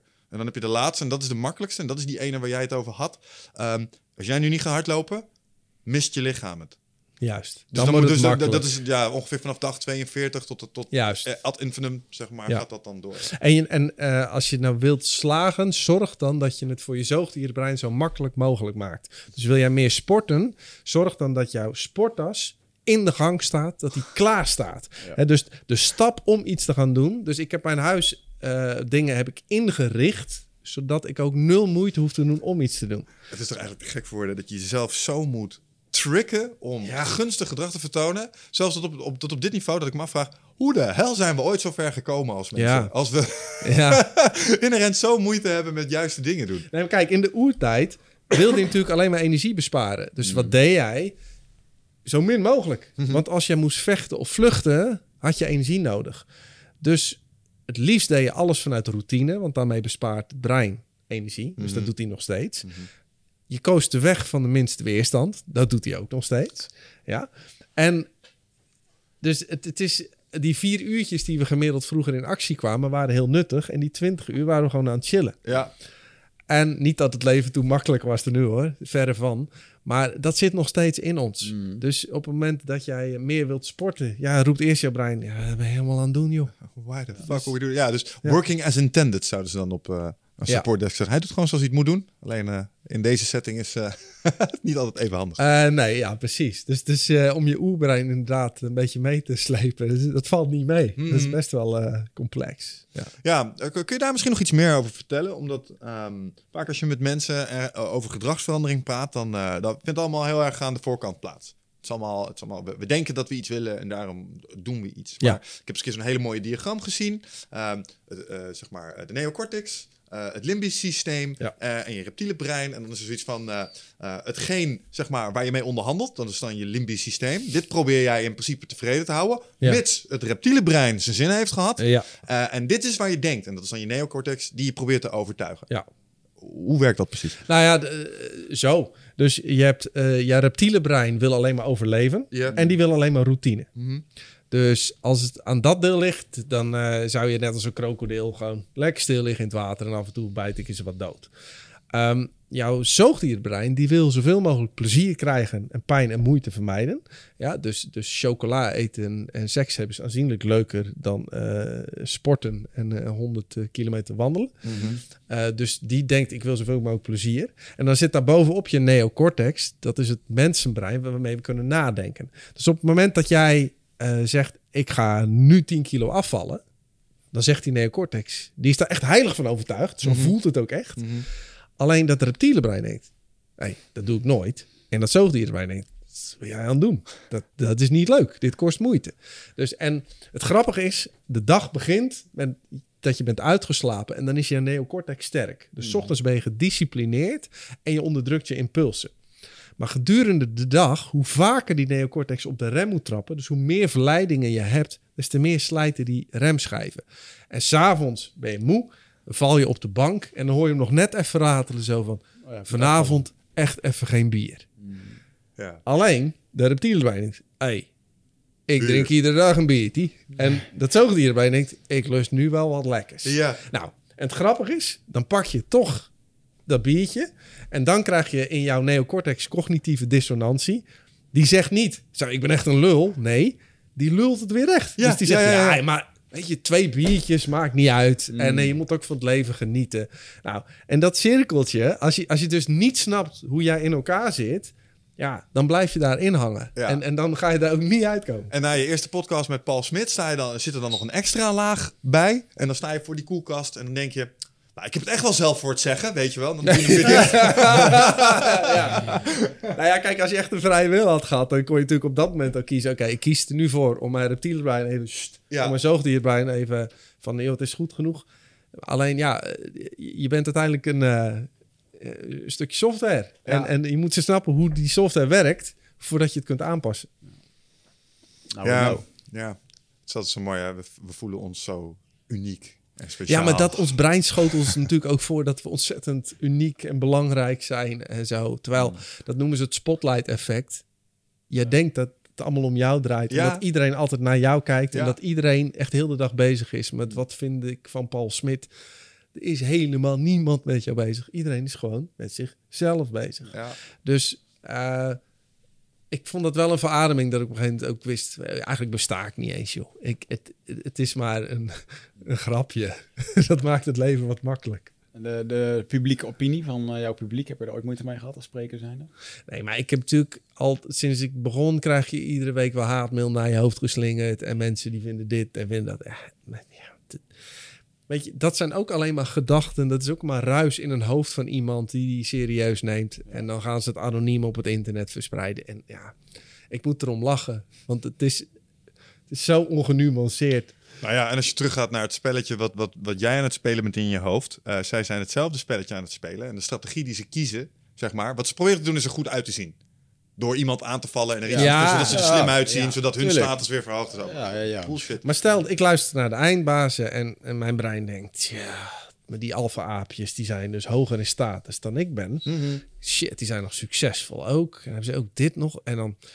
Zo, daar gaat hij. Ja. Dus eigenlijk wat je probeert, je probeert de alfa-aap van die rots af te trekken. En op het moment dat jij dus eh, enigszins eh, meer een publiek figuur wordt, krijg je dus meer mensen die gaan proberen jou van die rots te trekken. Dus het Nou ja. is heel normaal biologisch gedrag dat mensen met een gestrekt been erin gaan. Ja, En, maar ja, daar moet je niet te veel van aantrekken, als word je gek. niet, zeker niet Als ik ook met. Guido naar zo'n oudejaarsconferentie, dan moet je echt niet op Twitter even hashtag Guido, want dan, jezus man, het is zo. Ja. En wat ook is, kijk, op het moment dat wij eh, eh, iets van elkaar vinden en ik moet met jou praten, mijn brein remt dan keurig eh, mijn impulsen, want ik, ik, eh, mijn spiegelneuronen weer spiegelen wat je voelt, dus ik voel zelf de pijn als ik kritiek uit. Dus ik ben genuanceerd en dan komen we er samen uit. Maar wat je nu ziet, als je anoniem op het internet dat kan doen, is die rem eraf. Ja. Dus jouw hele primaire systeem met al je trauma's en, en al je donkerste frustraties, die worden in één keer erop gekwakt. Ja. En dan denk je zo, ik ben het kwijt. Ja, dat is niet waar. ja, ik denk dat ik daar een beetje mazzel mee heb gehad met Mixfight destijds. Met wat? gelouterd in de vuren van de troll wars die je vroeger op fora kon hebben. Oh, ja. zeg maar. Uh, Ja. Ik had een eigen internetforum en daar moest je ook wel eens tegen vechtsporters zeggen dat ze een tijdje niet op het forum mochten komen. Of ze vroegen er zelf om, zoals Wickert. Oh ja. Ehm, en dan kreeg je ook nog wel eens mail, zeg maar. Ja. En uh, daar vonden ze ook wel iets uh, van je. En wat inderdaad wat bleek, en dat bleek daar ook, um, dat was alleen op het internet.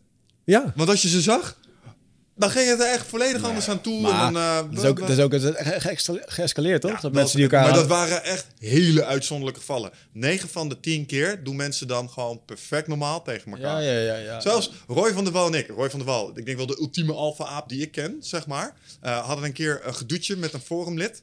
Oh, boos uh, en met elkaar erop. En toen kwamen we hem tegen op een gala. Van, hey, hey, ja, ja. Tussen boos op elkaar op het internet. Nee, maar dat, wat, je, wat je klopt. Want dan zie je hem en dan denk je... Ja, ga ik nou echt boos doen tegen deze gast? Vanwege wat hij zei. Op ja, precies, ja. precies. En natuurlijk zijn er wel incidentjes geweest waarbij dat iets anders liep. Maar dat was wel echt de uitzondering. Dus, ja. uh, en dan heb je ook al wel te maken met mensen waar, waar de stakes heel high zijn. Dus dan heb je het al echt met wel geengaged ja, in dat spel. Ja. En dan spelen de andere dynamieken. Maar daarom ook met iedere communicatie waar een emotie bij betrokken is... Nooit teksten, nooit Wil je, dit, wil je dit even Altijd herhalen alsjeblieft? Gewoon even nog een keer. Er zijn een paar mensen die ik dit gewoon even... een keer- Jullie weten wie je zijn. Eh, even een paar keer wil laten horen. Nee, maar ik heb als ik een e-mail begin te typen en ik voel dat daar een bepaalde emotie onder zit, of het een frustratie, of en dan, dan stop maar. Dus e-mail is voor het verzenden van informatie. Het is Ja. geen communicatiemiddel. En zeker wat ik vroeger deed met relatieproblemen, die probeer ik dan via WhatsApp op te lossen. Nou, je graaft een kuil, jongen. Het is echt. Ja, zo- ja, maar sowieso moet je ook niet echt de discussie aangaan met iemand die in de emotie zit. Nee, nee. Ehm, Nee, maar eh, laten we wel wezen, eh, want ik herken deze heel erg. Dit is echt een van de dingen die ik in mijn relaties echt gewoon... Als je wilt communiceren met mij, bel me. Ja, bel me. ja. Geen shit via de WhatsApp, Nee. echt niet. Want alles gaat... eh, En jouw emoticons ten spijt... Ik ga het lezen in een bepaalde toon. Ja, nee. Eh, en die is waarschijnlijk niet helemaal juist, want mijn eh, default mode network gaat op zoek naar gevaar. Ja, Dus eh, ik, Ja. ik vind wat ik, wat ik zoek. Dus dat wordt gedoe. Bel me. Bel me. Bel me. ja, maar dat is echt, en mensen die hebben het zo in hun systeem zitten, omdat het zogenaamd makkelijk is. Want ik heb me dat wel eens te afvragen. Hè? Waarom appen mensen sommige shit die ze je niet in je gezicht zeggen? Ja, nou, dat is, het is pijnvermijdend gedrag. Dat Hè? Want het. op het moment dat jij het moet zeggen, ervaar jij zelf de pijn.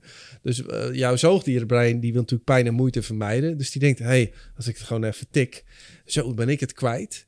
Is niet waar, want daarna zit je hoofd van, oeh, wat zou de reactie worden? Ja, ja, ja, En dus ja. je bent, het is gewoon, Het is geen fire and je zoekt het lijden op inderdaad. Ja. ja, dat is het. Ja, weet dat nog wel, in de vorige relaties dan... eh, is alles oké, schatje? Is het oké? Ja, het is oké, het is oké. Nee. En dan zat je in de auto vijf minuten later. Tieriet. Ja. Oh, weet je. En dan kon je nog maar 48 of 148 van die tekens kon je doen, weet je wel. oh, ja. Nee, dat is niet... eh heeft geen zoden aan de dijk gezet. Nee, maar als je nadenkt over eh, waar mensen en ons reptiele brein stress van kan hebben, dan werkt deze dat echt 100% Ja. eh, in de hand. Stel je toch eens voor, jongen, als je al die hoofdpijn kon elimineren die als gevolg van communicatie via tekst. Ik vond het mooi wat je zei. Als je het gevoel hebt, als je bepaalde woorden gebruikt. ehm, Ja. Ik heb het gevoel dat, of eh, voelt niet, of ehm, je merkt dat je harder op je, of je, Ja, de ja, de ja. wordt te langzaam. Dan zit er emotie in, zeg Ja. maar. En dan moet je gaan dan ga ik bellen. Maar sowieso e-mails van langer dan tien regels is totaal nutteloos. Ik, mijn e-mails zijn drie, vier regels. En op het moment dat ik het niet kort kan verwoorden, dan snap ik het nog niet goed genoeg of dan moet ik bellen. Ja. Dus ik, ik zie ook, als ik van iemand een e-mail krijg van een A4'tje, weet ik al dat er iets aan de hand is. Ja, nou, om Ja. een voorbeeld te geven hoe groot dat verschil kan zijn. Ik haal dat in mijn training ook wel eens aan. Dat ik, er is één situatie geweest, de week nog. Toen kreeg ik een mail van iemand. En als je die mail las, jongen, ik werd zo fucking kwaad. Oh, ja. Om wat erin stond, zeg maar. Het was een projectmail van de GGD uit Den Haag. Formele jongens, enge woorden, eh ingebreken. Oh. Ehm, en toen gaat de telefoon. En dat is die gast die die mail heeft gestuurd. Oh ja, ja. Net daarna, zeg Ja. maar. En ik pakte, ik was echt boos. Met Michel. Ken je dat? Als je iemand, zeg maar, aan de ademhaling hoort, hij is aan het lachen. Je hoort zo versnelling zo, je zal wel boos zijn, hè? Weet je wel? Oh, echt? En ik stond in het rood, jongen. Maar door die ene zin, die ene zin, echt tjoe, heel die meter liep lucht. Want er zijn je vier woorden met een bepaalde toon, met een Juist. bepaalde snelheid, met een bepaalde ademhaling, zei hij iets. Ja. Waardoor ik wist, dit komt goed. Ja.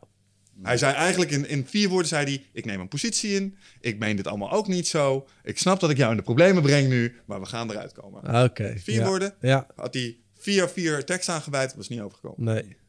En dat is hoe, hoe ongelooflijk sterk het is. Of hoe, nee, niet sterk, hoe afhankelijk wij nog zijn van al die andere impulsen. Zeker. Naast de inhoud. Ja, nee, ja, absoluut. Ja. Dus dat is ongeacht alle digitalisering en de artificial intelligence, Mm. wat voor de mensen het belangrijkst blijft, is gewoon elkaar ontmoeten. Dat is gewoon hoe we in elkaar zitten en dat gaat echt niet veranderen. De komende honderdduizenden jaren. Mochten we dan nog bestaan. Ja, ja, heb je daar, ge- vind je daar iets van? Mocht het nog bestaan, gaat het goed komen Nou ja, met de Paul? eh, geen doen. Kijk, we- Wat is jouw Armageddon view? Uiteindelijk gaan we natuurlijk allemaal wel weer een keer weg. Hè, want alles komt en gaat, ook wij. Maar nou ja, ik, eh, die eh, Harar, hoe heet die? Die, die mooie Harari? Harari, ja. ja. Die zegt 150 jaar nog. Hè, want die, eh, die is best wel doemdenker. Is dat zo? Ik dacht dat hij eh, zo lekker optimistisch was Nou, over nee, die hoor. aankwamen. Nee, 150 jaar? Eh, 150 jaar nog. En er zijn ook mensen die zeggen, ja, die artificial intelligence gaat ons nu voorbij. En eh, dus wij zijn straks eh, de controle kwijt. En eh, wij gaan eraan. Hmm. Kijk, als, als zo'n AI denkt, eh, ik wil de planeet in balans brengen. Dan gaat hij eerst op zoek naar het grootste virus. Nou, dat is de Homo sapiens. Ja. En die denkt, zo, dan gaan we die eerst eens even Drie, weghalen. twee, Ja, één. maar gelukkig Ja. zijn er mensen die even slim zijn als Harari zijn al bezig met, eh, met dat specifieke Ja, probleem. weet ik, weet ik. Gelukkig. Maar Ja. ik denk, eh, ja man, heel eerlijk, als ik naar de toekomst kijk en ik zie hoe het nu gaat met global warming en alles wat we aan, of climate change en de invloed die we daarop hebben, ja, is onhoudbaar. is echt onhoudbaar. Tenzij, tenzij die menselijke creativiteit die we hebben, plots eh, met allerlei hele mooie oplossingen komen die, die we nu nog niet verzinnen. Want ik heb ook wel eens gasten horen zeggen, jij zegt eh hongersnood. Ik zeg eh, ruimteboerderijen. Ja, Jij zegt watersnood. Ik zeg het merendeel van de planeet is blauw. ja, We hebben ja. een zoutprobleem. Snap Ja. je? Dus op die manier Ja, lijkt het eh, ook wel dat er oplossingen zijn. Dat heb ik nou eigenlijk nooit begrepen. Waarom ze niet gewoon zeewater door een filter heen kunnen gooien dat je dan drinkt. ja, dat schijnt nog vrij duur. lastig te zijn. is heel duur. Ja. Het kan tegenwoordig wel. En eh, het probleem is energie. Dus eh, of we halen het eh, uit een meer, eh, waar het gewoon direct drink- drinkbaar is of wat dan ook. Of we halen het uit de zee, dan moet het eerst door een duur proces heen. En de noodzaak is nu nog niet hoog Nee, genoeg. exact. Dus we doen dat niet. Maar als het echt, echt, echt problematisch wordt en je moet gaan irrigeren op sommige gebieden, omdat de aarde dan zorgt, ja, dan ga je met zeewater werken, denk ik. Nanofilters, dat soort shit. Ja. ja. Dus tegelijkertijd, ik geloof het wel, ehm, er is een ander boek, dat heet Abundance. Mhm. En dat beweert eigenlijk, joh, kon er wel eens goed komen, want er zijn nog zoveel resources niet aangeboord en je hebt geen idee over hoe groot de planeet eigenlijk echt is. ja. Maar als je kijkt naar de Georgia, volgens mij heet ze, de Georgia Guidestones, ken je die? Nee, nee. Zo, en eh, zo, eh, zo'n eh, conspiracy enigma. Oké, Dat, dat kun je googlen. Dat is, eh, er staan ergens in Amerika staan er vier pilaren. oké. En daar staan teksten op in alle talen van de wereld.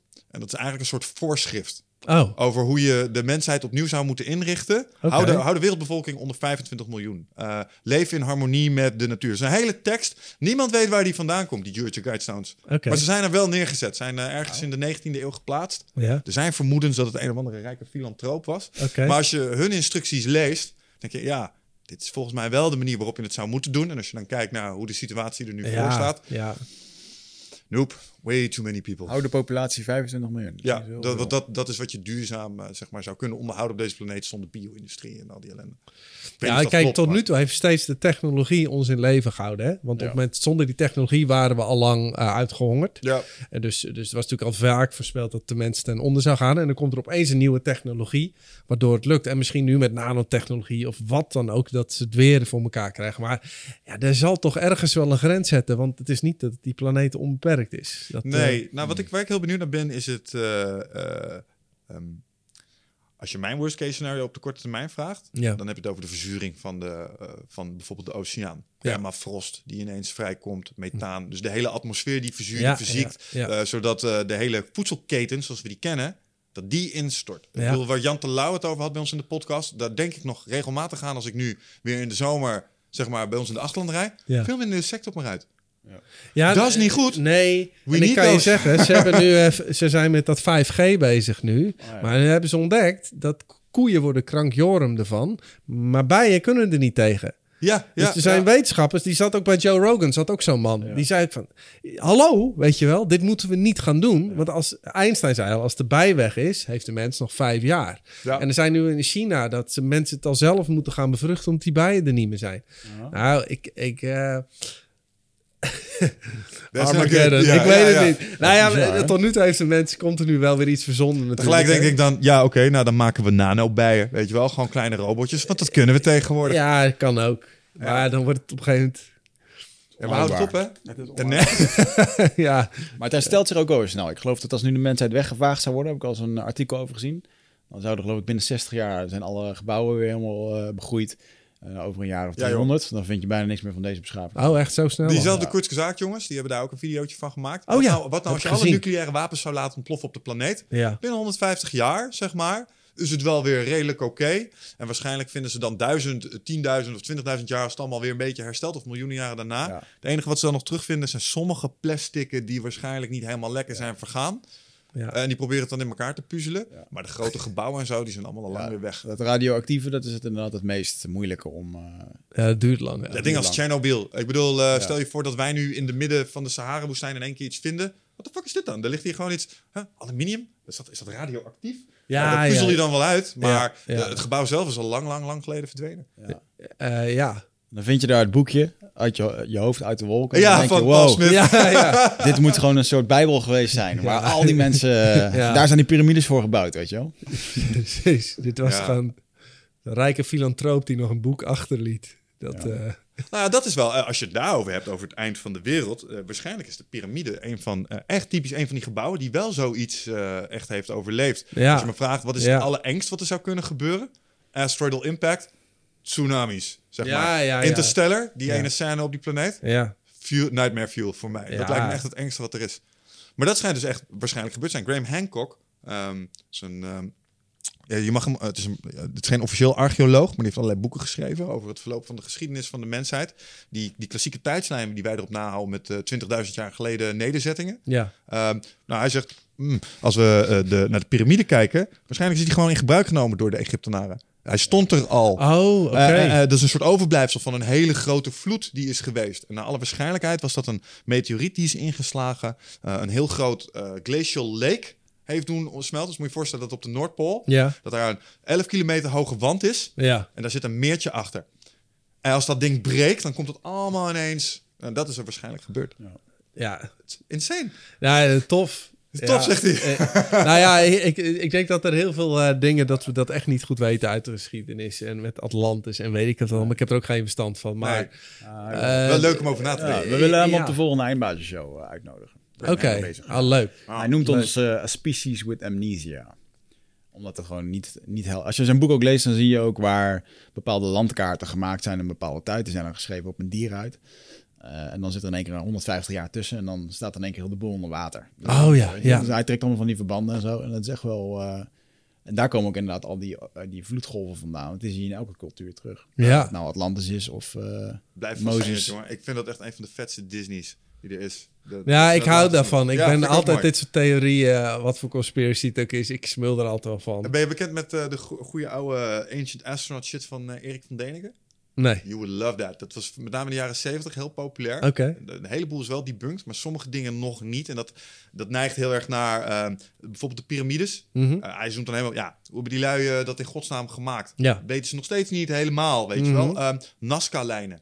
Waarom maakt een Amerikaans, zo Zuid-Amerikaanse oude beschaving lijnen die je alleen vanuit de ruimte kunt zien? Ja, ja, ja. Ehm, ja. Waarom hebben we zeg maar kaarten die eh, de reis van Piri, zeg maar, zijn Piri-kaarten. Mhm. Die zijn bijna zeg maar ehm, zo nauwkeurig dat ze alleen van grote hoogte gemaakt zouden kunnen zijn. Ja. Uh, hij zegt allemaal, hoe komen de mensen aan die kennis? En waarom is het zo dat als je elk oud geschrift leest met een moderne bril, de Mahabharata is een oud Indiaans geschrift, hij zegt dat is een science fiction verhaal. Ja. Dat gaat over goden die met elkaar schieten of, eh, in, de, in, in de, in de lucht in ijzeren strijdwagens met bliksem en vuur. Ja. Als jij een straaljager ziet vliegen en je weet niet wat een straaljager is, hoe omschrijf jij dan Ja, een nee, straaljager? ja, precies. Zo. Eh, dat was helemaal die stijl. Ja. Ehm, fascinerend. Ja. En dat heeft de laatste tijd weer een beetje terug aan het komen.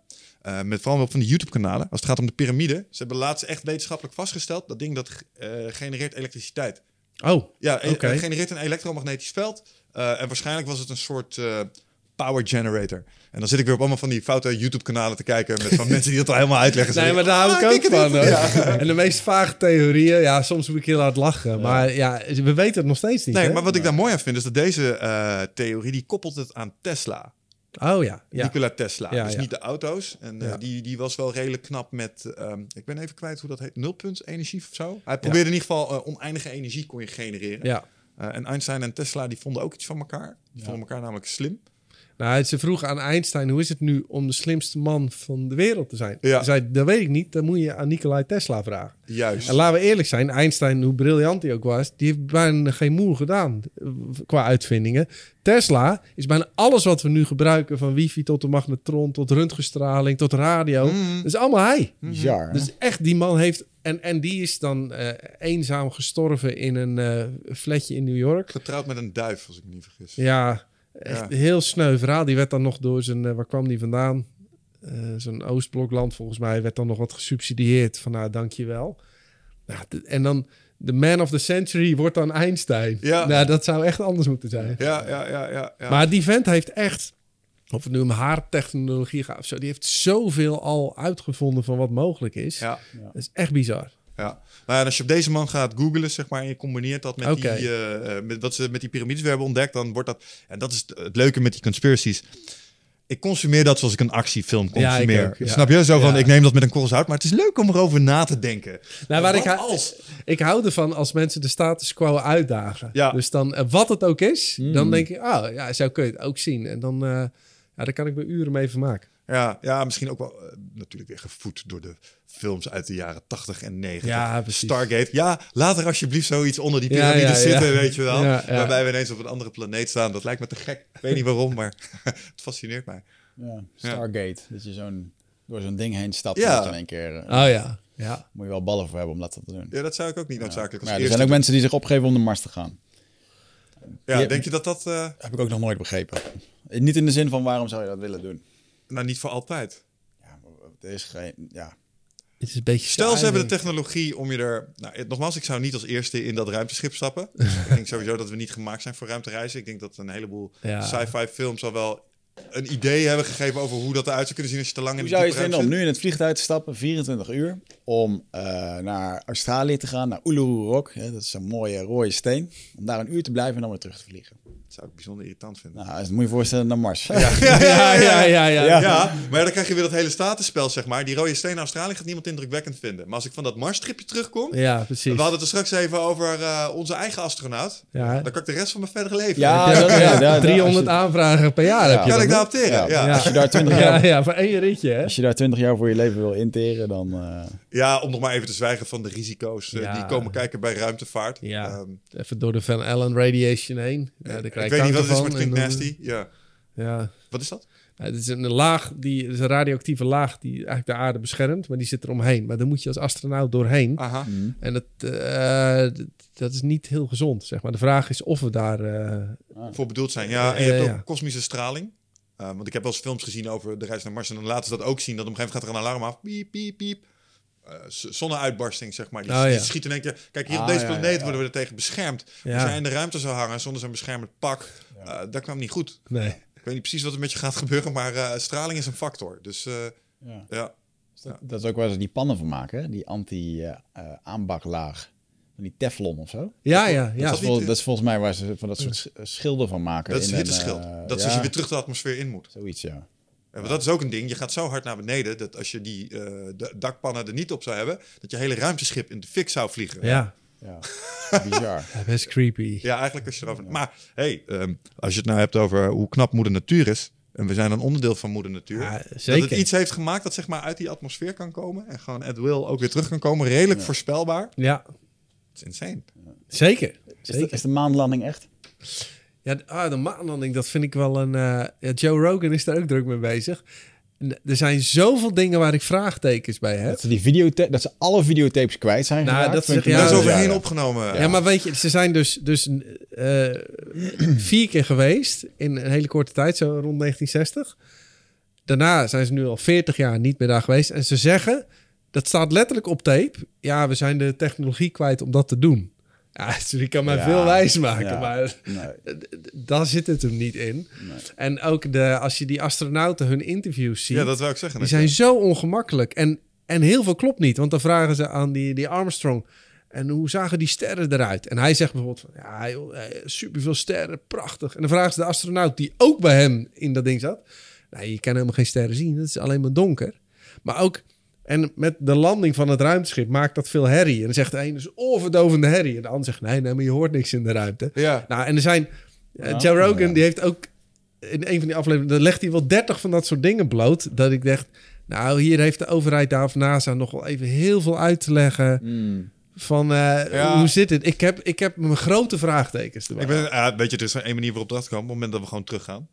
De Chinezen zijn er volgens mij mee bezig. Het kan niet lang duren voordat ze daar een keer op maar- dat plekje waar het zou moeten zijn gebeurd. Het is toch ook gewoon vaag dat we nu 60 jaar later nog steeds niet terug zijn geweest. Nee. Maar laten we, laten we wel wezen. ehm, of ze nou op de maan zijn geweest of niet. Laat, even heel simpel. Tesla maakt een eh, mooie elektrische auto. Allemaal andere autofabrikanten gaan ook dat soort auto's maken. Ja, Gewoon kopie, kopieergedrag. ja. Was Amerika dan echt zo super bijzonder dat ze dit konden? Nou ja, het was de Nee. resource, Nee, het was en- de en space race. Het was prestige tegen, Ja. de, tegen de USSR. Koude A- oorlog, Alleen eh, dan ja. kun je het in Hollywood opnemen natuurlijk. Kijk, wat niet klopt met die opnames, moet je kijken. Dan staat zo het mannetje, maar de, alle schaduwen kloppen niet. Dus je ziet aan de hand van de schaduw dat er gewoon een spotlight staat die het belicht. Dus de ene schaduw gaat naar rechts, de andere gaat eh, naar links. Ja, terwijl de zon zou toch echt 90 eh, miljoen, eh, hoe, hoe ver is het? Een kilometer ver weg Ja. moeten staan. Ja, dat, dat, ja ik, weet, ik weet het ook niet. Ehm, tegelijkertijd, er is wel een shitload aan technologie voortgekomen uit het feit dat we het geprobeerd hebben. Of in ieder geval in de ruimte zijn gekomen. Ja. Dus eh, dat wel. En ja, of het nou de maan is geweest of niet, we hebben in ieder geval iets op Mars weten neer te zetten op een bijzonder knappe manier. Ja, Ehm, en als je kijkt naar wat, wat Ja. daar allemaal voor nodig was om dat te kunnen, Ja. als menselijk ras. Ja, dan, dan tegelijkertijd krijg ik toch ook altijd weer een klein beetje hoop. En dan komt de Ja, maar techni- kijk- techno-optimist in mij naar boven. En ik denk van, ja, maar dat, eh, hoe belachelijk is dat we dat kunnen? Als ze zeggen we kunnen wel naar Mars, maar we hebben de technologie niet meer om naar de maan te kunnen. Ja, sorry, ik heb Nee, echt mijn vraagtekens. Ja. Ja. Ja. Ik denk dat het wel slim zou zijn als je nu naar de maan zou kunnen gaan. Want het, uiteindelijk bij een hele hoop jongeren is het alweer lang uit hun geheugen. Dus als er nu weer iemand op de maan komt, voor het eerst sinds al die jaren, dat is Ja. wel een eh, primeur. Ik heb dat heel lang ook echt gevonden. Dat je, van, van, van, je moet mensen weer enthousiast maken voor ruimtevaart, want daar ligt de toekomst. En eh, je wil graag zo snel mogelijk. Want ik dacht altijd, wij, wij zitten nog in een soort zandbak. En zodra we bepaalde technologie hebben, dan, dan is het alsof je ogen open gaan. Zoals we nu met Kepler doen. We zien overal st- sterren, overal planeten. Ja. Kan niet lang duren voordat je wat vindt. eh, eh, wat op ons lijkt, eh, aan intelligentie. Maar toen zat er laatst weer zo'n... hoorde ik iets van zo'n eh, astronoom. Ja. Astroloog zeggen, dat vind ik heel vervelend. Ja, ja, ja, ja, ja, ja. Dat is iets anders, Ja, hè? dat is iets anders. Maar die, die schetste even de kansen van andere intelligentie in het universum. En Ja. die zei, oh ja hoor, het zal het vast wel zijn. Misschien nu ook met ons. In deze hele kosmos, misschien drie intelligenties op ons niveau tegelijkertijd. Ja. Die ga je nooit tegenkomen. Nee. Want de afstanden zijn te groot. Ja. Eh, het is te moeilijk om er te zijn en het is gewoon simpelweg te duur. Hij zegt, en dat is waarom ik me niet al te druk zou maken op interstellaire reizen en zo. Ja, Maak het beste van wat je hier hebt. Ja. Ehm, ja, misschien moet je wel Mars en Jupiter en al die kometen gaan eh, harvesten. Maar je zult waarschijnlijk naar alle waarschijnlijkheid wel op je planeet blijven. Ja. Want, zei Neil deGrasse Tyson... ehm, heb je enig idee hoe fucking moeilijk het is om een planeet sustainable te houden? Ja, Stel ja. je zit op Mars. Ja. Denk je dan dat dat ding niet teert op continue Ja. bevoorrading vanuit zeg Ja. maar, de aarde? En ehm, hoe lang denk je dat het duurt voordat je een planeet even terraformt? Ja, is zo. Ja, daar ben je 150, 200 jaar misschien wel langer mee bezig. Dus eh, waarom richt je niet gewoon op het oplossen van de problemen hier? Uh, want dan ben je hetzelfde probleem aan het tackelen. Ja, ja, ja. En het leuke is dat eh, we hebben het nu over de ruimte en alles. Maar eigenlijk bestaat het natuurlijk allemaal niet. Want het vindt alleen maar plaats in je eigen hoofd. Ja. Hè? Dus eh, wij denken dat wij een, eh, een ster waarnemen op eh, zoveel lichtjaren afstand. Maar uiteindelijk wordt die ster alleen maar gevormd in je eigen hoofd. Ja, maar toch als wij in een ruimteschip zouden stappen en we zouden er heel lang in gaan zitten, dan komen we er uiteindelijk wel. Dus is- nee, nee, dan verschijnt dat ding in jouw brein in plaats van dat jouw brein daar verschijnt. Het is precies andersom. De Indianen zeiden ook niet, ik loop door de gang. Die zeiden, de gang verschijnt in mij. Wat neurowetenschappelijk gezien beter klopt. volledig klopt. Is dat zo? Want we navigeren toch een werkelijke realiteit. Ik bedoel, eh, Nee, het is hoor. onmiskenbaar dat deze feedback, eh, die krijg ik toch? Er zijn toch atomen met een bepaalde dichtheid. Die, ja, maar dat vindt alleen maar, wordt dat gemaakt in jouw brein. Hè? Dus zelfs, het, het, het- je zegt, ja, maar dit voel ik toch? Ja, maar dat gaat dus elektrische impulsen in jouw brein creëren de illusie dat je hier iets voelt. Jij denkt ook dat ik hier zit. Ja. Maar dat is niet. Ik maar vers- laten we die eens uitdenken. Want stel, we halen jouw hoofd eraf en ik pak jouw arm en ik sla daarmee op die tafel. Gaat hij niet eens door die tafel heen? Eh, maar dat heeft te maken met massa, met de dikte Ja, dat snap Dus ik wel. je- Maar je, nu, nu lijkt het alsof die, die eigenschap massa voortkomt uit de waarneming van het bewustzijn van iets van een hersenen. Nee, kijk, er zijn allemaal quarks. Hè, die spelen een fantastisch spel. Dus er zijn allemaal frequenties, trillingen als het ware. Gewoon energie. En alleen in ons brein wordt dat omgezet in dat er een kleur is. Of dat er een, een widget zit. Of dat dit een microfoon is. Of dat ik iets ruik of proef. Dus, dus de, de, de waarneming via je zintuigen wordt pas gevormd in je eigen brein. Ja, oké, oké, oké. Maar het feit dat, dat mijn hersenen dat allemaal, zeg maar, die informatie cumuleren naar een navigeerbaar plaatje, wat het eigenlijk is. Want kleur is misschien wel niet bestaand. Het helpt mij met het navigeren van dingen. Nee, zeker. Sommige bruine dingen die op de grond liggen, raap ik niet op. Snap je? En Nee, daar is het eh, handig voor. Klopt, maar net zo goed dat een computerspel uit eentjes en nulletjes bestaat, bestaat dit uit eh, up quarks en down quarks. Dus is in dat opzicht, zoals Elon Musk zegt, de kans is 1 op een miljard dat wij niet in een simulatie leven. Ja, die trekt ja het die, is, door. die is heel vervelend als je daar wat langer over Ja, nadenkt. hij zit laatst zat hij in ja. zo'n forum met Neil deGrasse Tyson ook. En eh, ja, ja, ja, ja, de kans is toch wel aanzienlijk dat dit gewoon een simulatie is die in ons brein wordt geprojecteerd. Eh, kijk, als je GTA speelt en je, je rijdt door zo'n stad, die stad bestaat echt niet. Hè, dat zijn allemaal potentiële eentjes en nullentjes. Maar op het moment dat jij eh, de hoek omslaat een straat in, dan vormt die zich op de monitor. Ja. Maar op dezelfde wijze werkt dat hier, Ja. zeg maar. Ja. Hmm. Dus de kamer, de, de, wat ik nu links niet zie, bestaat niet totdat ik er naartoe kijk. Nou, dat, dan wordt het in ieder geval... Ja, Einstein ging zover, die zei... Ik weet niet dat als ik, of ik, als ik niet naar de maan kijk... of de maan wel bestaat. Eh, het, het is in die zin, zou ik de maan zijn allemaal eentjes en nulletjes. En het beeld wordt pas gevormd op het moment dat het wordt waargenomen. Ja, maar als dit waar zou zijn, zou je koelkast niet werken. Want? Niemand kijkt nu naar mijn koelkast thuis. Maar als ik thuis kom, dan is er nog steeds gekoeld eten. Mijn diepvries Ja, de hele dag door. Of ik er nou voor zit of niet. Snap je? Dus dat ding manifesteert zich niet magisch als ik thuis kom. Oh, koelkast. Awesome nee, maar het, het- de koelkast bestaat nu alleen... Dus de, de- eentjes en nulletjes, de, de potentiële programmering is er wel van. Maar die wordt alleen op het Hij moment wordt dat niet jij... gerenderd. Hij wordt niet gerenderd. Dat, Ja, is, dat is een ja, mooie, ja, ja, mooi ja, woord. ja, nee, absoluut. Nee, anders zou het lullig zijn als die nou Ja, toch? Ja, ja. Dus het gevolg van een koelkast, het bestaan van de koelkast, is er nog wel, ongeacht of die waargenomen wordt of niet. En het enige wat jij zegt, we weten niet 100% zeker of hij er wel is op dat moment. Nou ja, er zijn ook wetenschappers die zeggen, doe dat dubbel split experiment. Van nee, iets bestaat werkelijk alleen als het wordt waargenomen. Maar je, er is wel dus een bepaalde programmering. Anders zou je inderdaad je koelkast nu niet doen. Ja, nou, dit, dat dubbel split experiment, dat hele ding, eh, ehm, want dat, daar, daar heeft, dat heeft echt een heleboel quantum woe-woe veroorzaakt. Ja, ja maar dat is zoveel onzin. Ja, joh. Ja. Maar wat er eigenlijk gewoon gebeurt is, wat, wat is het? Ehm, ze schieten deeltjes af, knikkers, op twee spleten in de muur. Is het, eh, en dan op uh, subatomair niveau, dus op, op eh, kwantumniveau. en eh, als, je dat, eh, als je wegloopt van het experiment en je kijkt er niet naar, dan ontstaat er een bepaald patroon op die muur. ja, golven. golven. En ga jij kijken naar het experiment, dan verandert dat patroon volledig. Ja. En dus zeggen mensen, zie je nou wel, waarneming en bewustzijn beïnvloeden de werkelijkheid. Ja. Ja, zegt Neil Tyson, in de zin van dat wat jij eigenlijk aan het doen bent, is jij bent daar knikkers bij in aan het gooien. En dat zijn fotonen. En die stuiteren vanuit jouw oog het experiment in. Ja. En daarom verandert het patroon. Ja. Dus dat is gewoon kausaal. Dus dat zijn gewoon deeltjes die andere deeltjes uit Precies. de weg kaatsen. Dus het is dus niet dat heeft niks met eh, de waarneming of het bewustzijn te maken. Het is gewoon ja, knikkers die tegen andere Nee, en ze hadden nu ook het decoherentie-effect, houdt dat in. Er zijn zoveel van die deeltjes die op elkaar inbotsen. En op het moment dat ze botsen, zijn ze ook een punt. Mhm. Dus het ligt niet alleen aan onze waarneming. aangegooid. Dus, dus om zo ver te gaan dat zeg maar eh, die lamp niet bestaat als wij niet waarnemen. eh eh, zo ver ga ik niet. Ik zeg wel, hij bestaat alleen potentieel. Op het moment dat ik het waarneem, maakt mijn brein maakt daar de vormpje van van een land met licht. Et. Ja, dat, dat geloof ik wel. Maar toch geloof ik nog steeds dat een, ehm, bijvoorbeeld een meteoriet die nu in de ruimte hangt, die niet wordt waargenomen. Op het moment dat we hem, die heeft nu ook de dimensies en de afmeting en de vorm en de massa die die heeft. Ongeacht of wij hem zien of niet. Eh, ja, ja, dat is En het enige de- wat wij de is een textuur. natuurlijk. Hè? Nou ja, dat, dat kan namelijk niet anders. Nou, Want ook, ook ons zonnestelsel bijvoorbeeld ja. eh, is een behoorlijk uitgebalanceerd ding. Wat eh, heel nauwkeurig op elkaar inweegt. Ik bedoel, daarom zijn we ook zo zenuwachtig als er iets doorheen komt. Wat ineens een. en dat de asteroïden naar beneden komen. Ja. Die asteroïde die de dinosauriërs heeft uitgewiped. Is nooit waargenomen. Maar hij was wel. En hij had massa. Nou ja, nee, ik ben met je eens. Dus in potentie is die er net zo goed dat in de GTA-wereld. Eh, als daar een, eh, stel daar is een asteroïde in GTA, in eentjes en nulletjes is die geprogrammeerd en dan eh, heeft, volgt hij ook zijn formule. Mhm. Dat, is, dat is hetzelfde als hier. Ja. ja, ik snap wat je zegt. De- ehm, ik denk dat ik het met name goed kan plaatsen. Omdat ik heb vroeger altijd MMO's gespeeld. Ken je dat? Nee.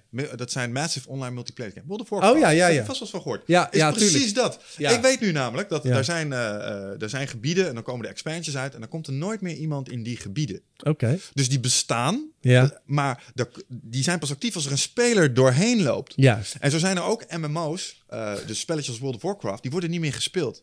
Maar die servers bestaan nog wel. Oké. Dus er zijn hele werelden, zeg Ja. maar, die in potentie bestaan op Ja. het moment dat iemand maar weer zou inloggen. ja, ja, ja. Dus ja. als er weer een poppetje doorheen loopt. Ja. Maar eh, er is nu er is een oude game, daar had je een stad, Terna nog. Ik weet zeker dat er niemand is nu. Maar als ik het spelletje, als ik zou inloggen op die server, Ja, klopt. dan bestaat het ineens weer. Ja. En ik denk dat het hem daar een beetje in Juist. Ja, Ja, ja, ja, ja. ja, ja, ja. Ja. En toen zat de twee uur alweer op, jongen. Is dat zo? Ja, Ja, dat krijg je van dat filosofische Nou, eh. star, ja. Sorry, man. Mooi. Wat is op de planning eh, voor jou? Oh, ik heb eh, eh, nog heel veel te doen tot juli. Dan eh, wordt het weer zomerseizoen. Mhm. Dus eh, ik ben heel veel aan het optreden. Zomerseizoen betekent dat we niks te doen. Nee, dat is juli, augustus stil. Dat is altijd heerlijk. Dan eh, Ja. rust ik weer uit van eh 14 uur per dag werken. Ja. Lekker. Dus eh dat is top. Topperiode. Hey, eh, nog één ding. Vorige keer toen je was, dan had je het over de film Alice. Ja. Die is ondertussen uitgebracht en die is goed ontvangen. Hè?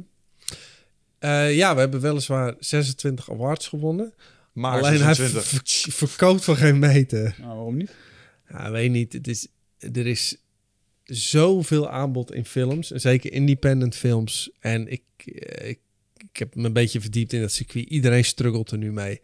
Dus, dus hij heeft wel iets terugverdiend, maar Kun je op Netflix krijgen? daar kom je ook niet zomaar tussen. Dat is ook een heel hiërarchisch gedoe. Dat is echt lastig. Ja. Eh, dus in China, daar gaat hij nu wel op zo'n soort Netflix-achtig met 1,2 miljard Videoland. mensen. Ja. Eh, dat zou nog kunnen. Maar ik heb hem nu bij een eh, distributeur in Amerika en in eentje in China. Dus, en ik heb eigenlijk de film verkocht aan hun. Ah, ja. Dus het is allemaal aan hun nu. Eh, dus ik heb daar geen omkijken meer naar. Nee. nee. Ja. Maar het moet toch goed voelen om 26 awards voor een film te Ja, krijgen? dat is, dat Ja, is het leuk. Maar ik vind hem zelf... eh, mijn eerste intentie was gewoon anders. Het is een beetje een compromisfilm geworden. En, en dus ik ben zelf niet helemaal eh, tevreden mee. Dat hoor je wel vaker. Dat als een bepaald gedachtegoed in film wordt gegoten, dat het toch verder van het beoogde doel eindigt als gehoopt. Ja. Ja. Jan de Lauw was daar heel stellig in. Over wat zijn boeken verfilmd eh, waren. Ja, dat vond hij- En, dat vond hij niet optimaal. Nee. Nee, maar weet je, je werkt natuurlijk allemaal met eh, mensen die het ook voor 0 euro doen. Dus die hebben ook een inbreng. Dat is allemaal logisch. Maar je kunt niet als een soort Steven Spielberg zeggen... en zo gaan we het doen. Dus die wil een beetje zo, die wil een beetje zo. En eh, uiteindelijk is het knap dat we zoveel weinig geld zo'n film hebben gemaakt. Maar ik doe het niet nooit, nooit meer. Nee, Nee. het is zoveel werk, man. Ja, dat snap ik. Maar voor de legacy niet... eh, het moet je toch een voldaan gevoel geven om zoiets te kunnen nalaten. Nee, de, de eerste die ik won, ik weet nog dat ik daar super blij mee was. Dat je dacht, oh goed, dat wordt in Amerika goed ontvangen. En daar kreeg ik ook weer die deal uit met die eh, distributeur nu.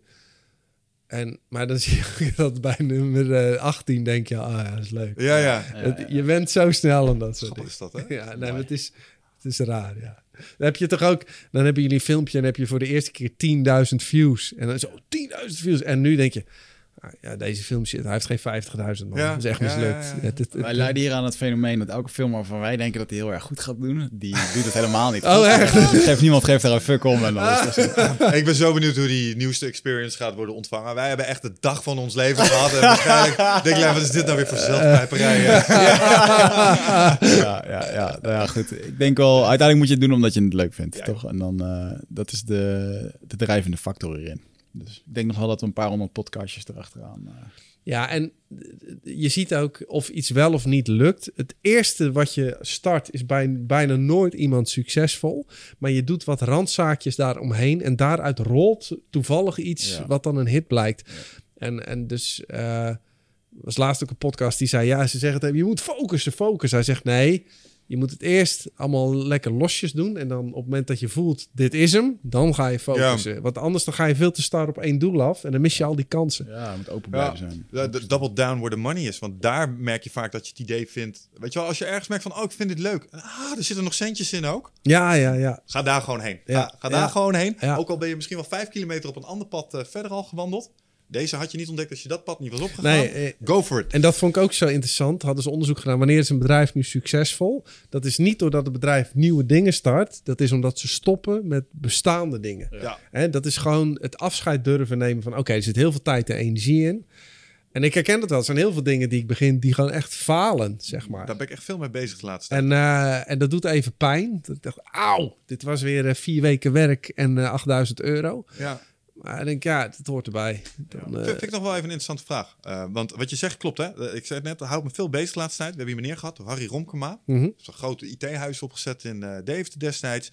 En zijn, zijn jobomschrijving is nu een soort van disruptor. Wat hij doet, is hij gaat gewoon naar het bankaire wezen en zegt... hey, wat moet ik doen om jou binnen vijf jaar niet meer te laten bestaan? Oh ja. ja en, en, tof. dan, en dan zeggen ze dit en dit, oké, we gaan het nu of samen doen... of ik ga naar je concurrent om het te doen. Maar Ja. wij gaan dit, dit, deze manier van zaken doen, gaan we opheffen. Want het is log, het is achterhaald, het Ja. is outdated. Oké, even naar de branche waar wij in zitten. Wat moeten wij doen om onszelf om zeep te helpen? Dus wat jij nu doet, wat moeten we doen? Eh, wij, ik probeer ook mensen in het bedrijfsleven te helpen. Wat moeten wij doen om onszelf om zeep te helpen? Waar zit de disruptie in onze markt? Je bedoelt met eindbazen of Nutrifit? Eindbazen, maar ook het, het lezingencircuit of alles. Hoe krijgen we onszelf om zeep? Nou, met lezingencircuit is als je gewoon blijft doen wat je al deed, zeg maar. eh, dan gaat het niet lukken. Dus het is continu schaven, schaven, schaven en heel veel kilometers maken. Ja. Dat is de enige manier.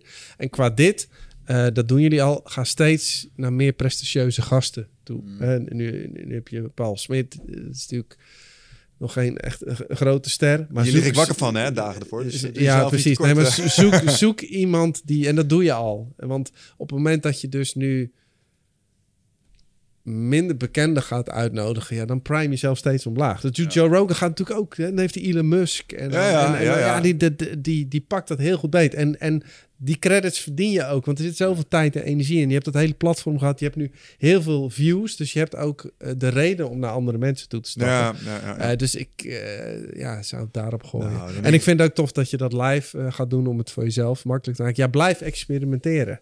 En dan,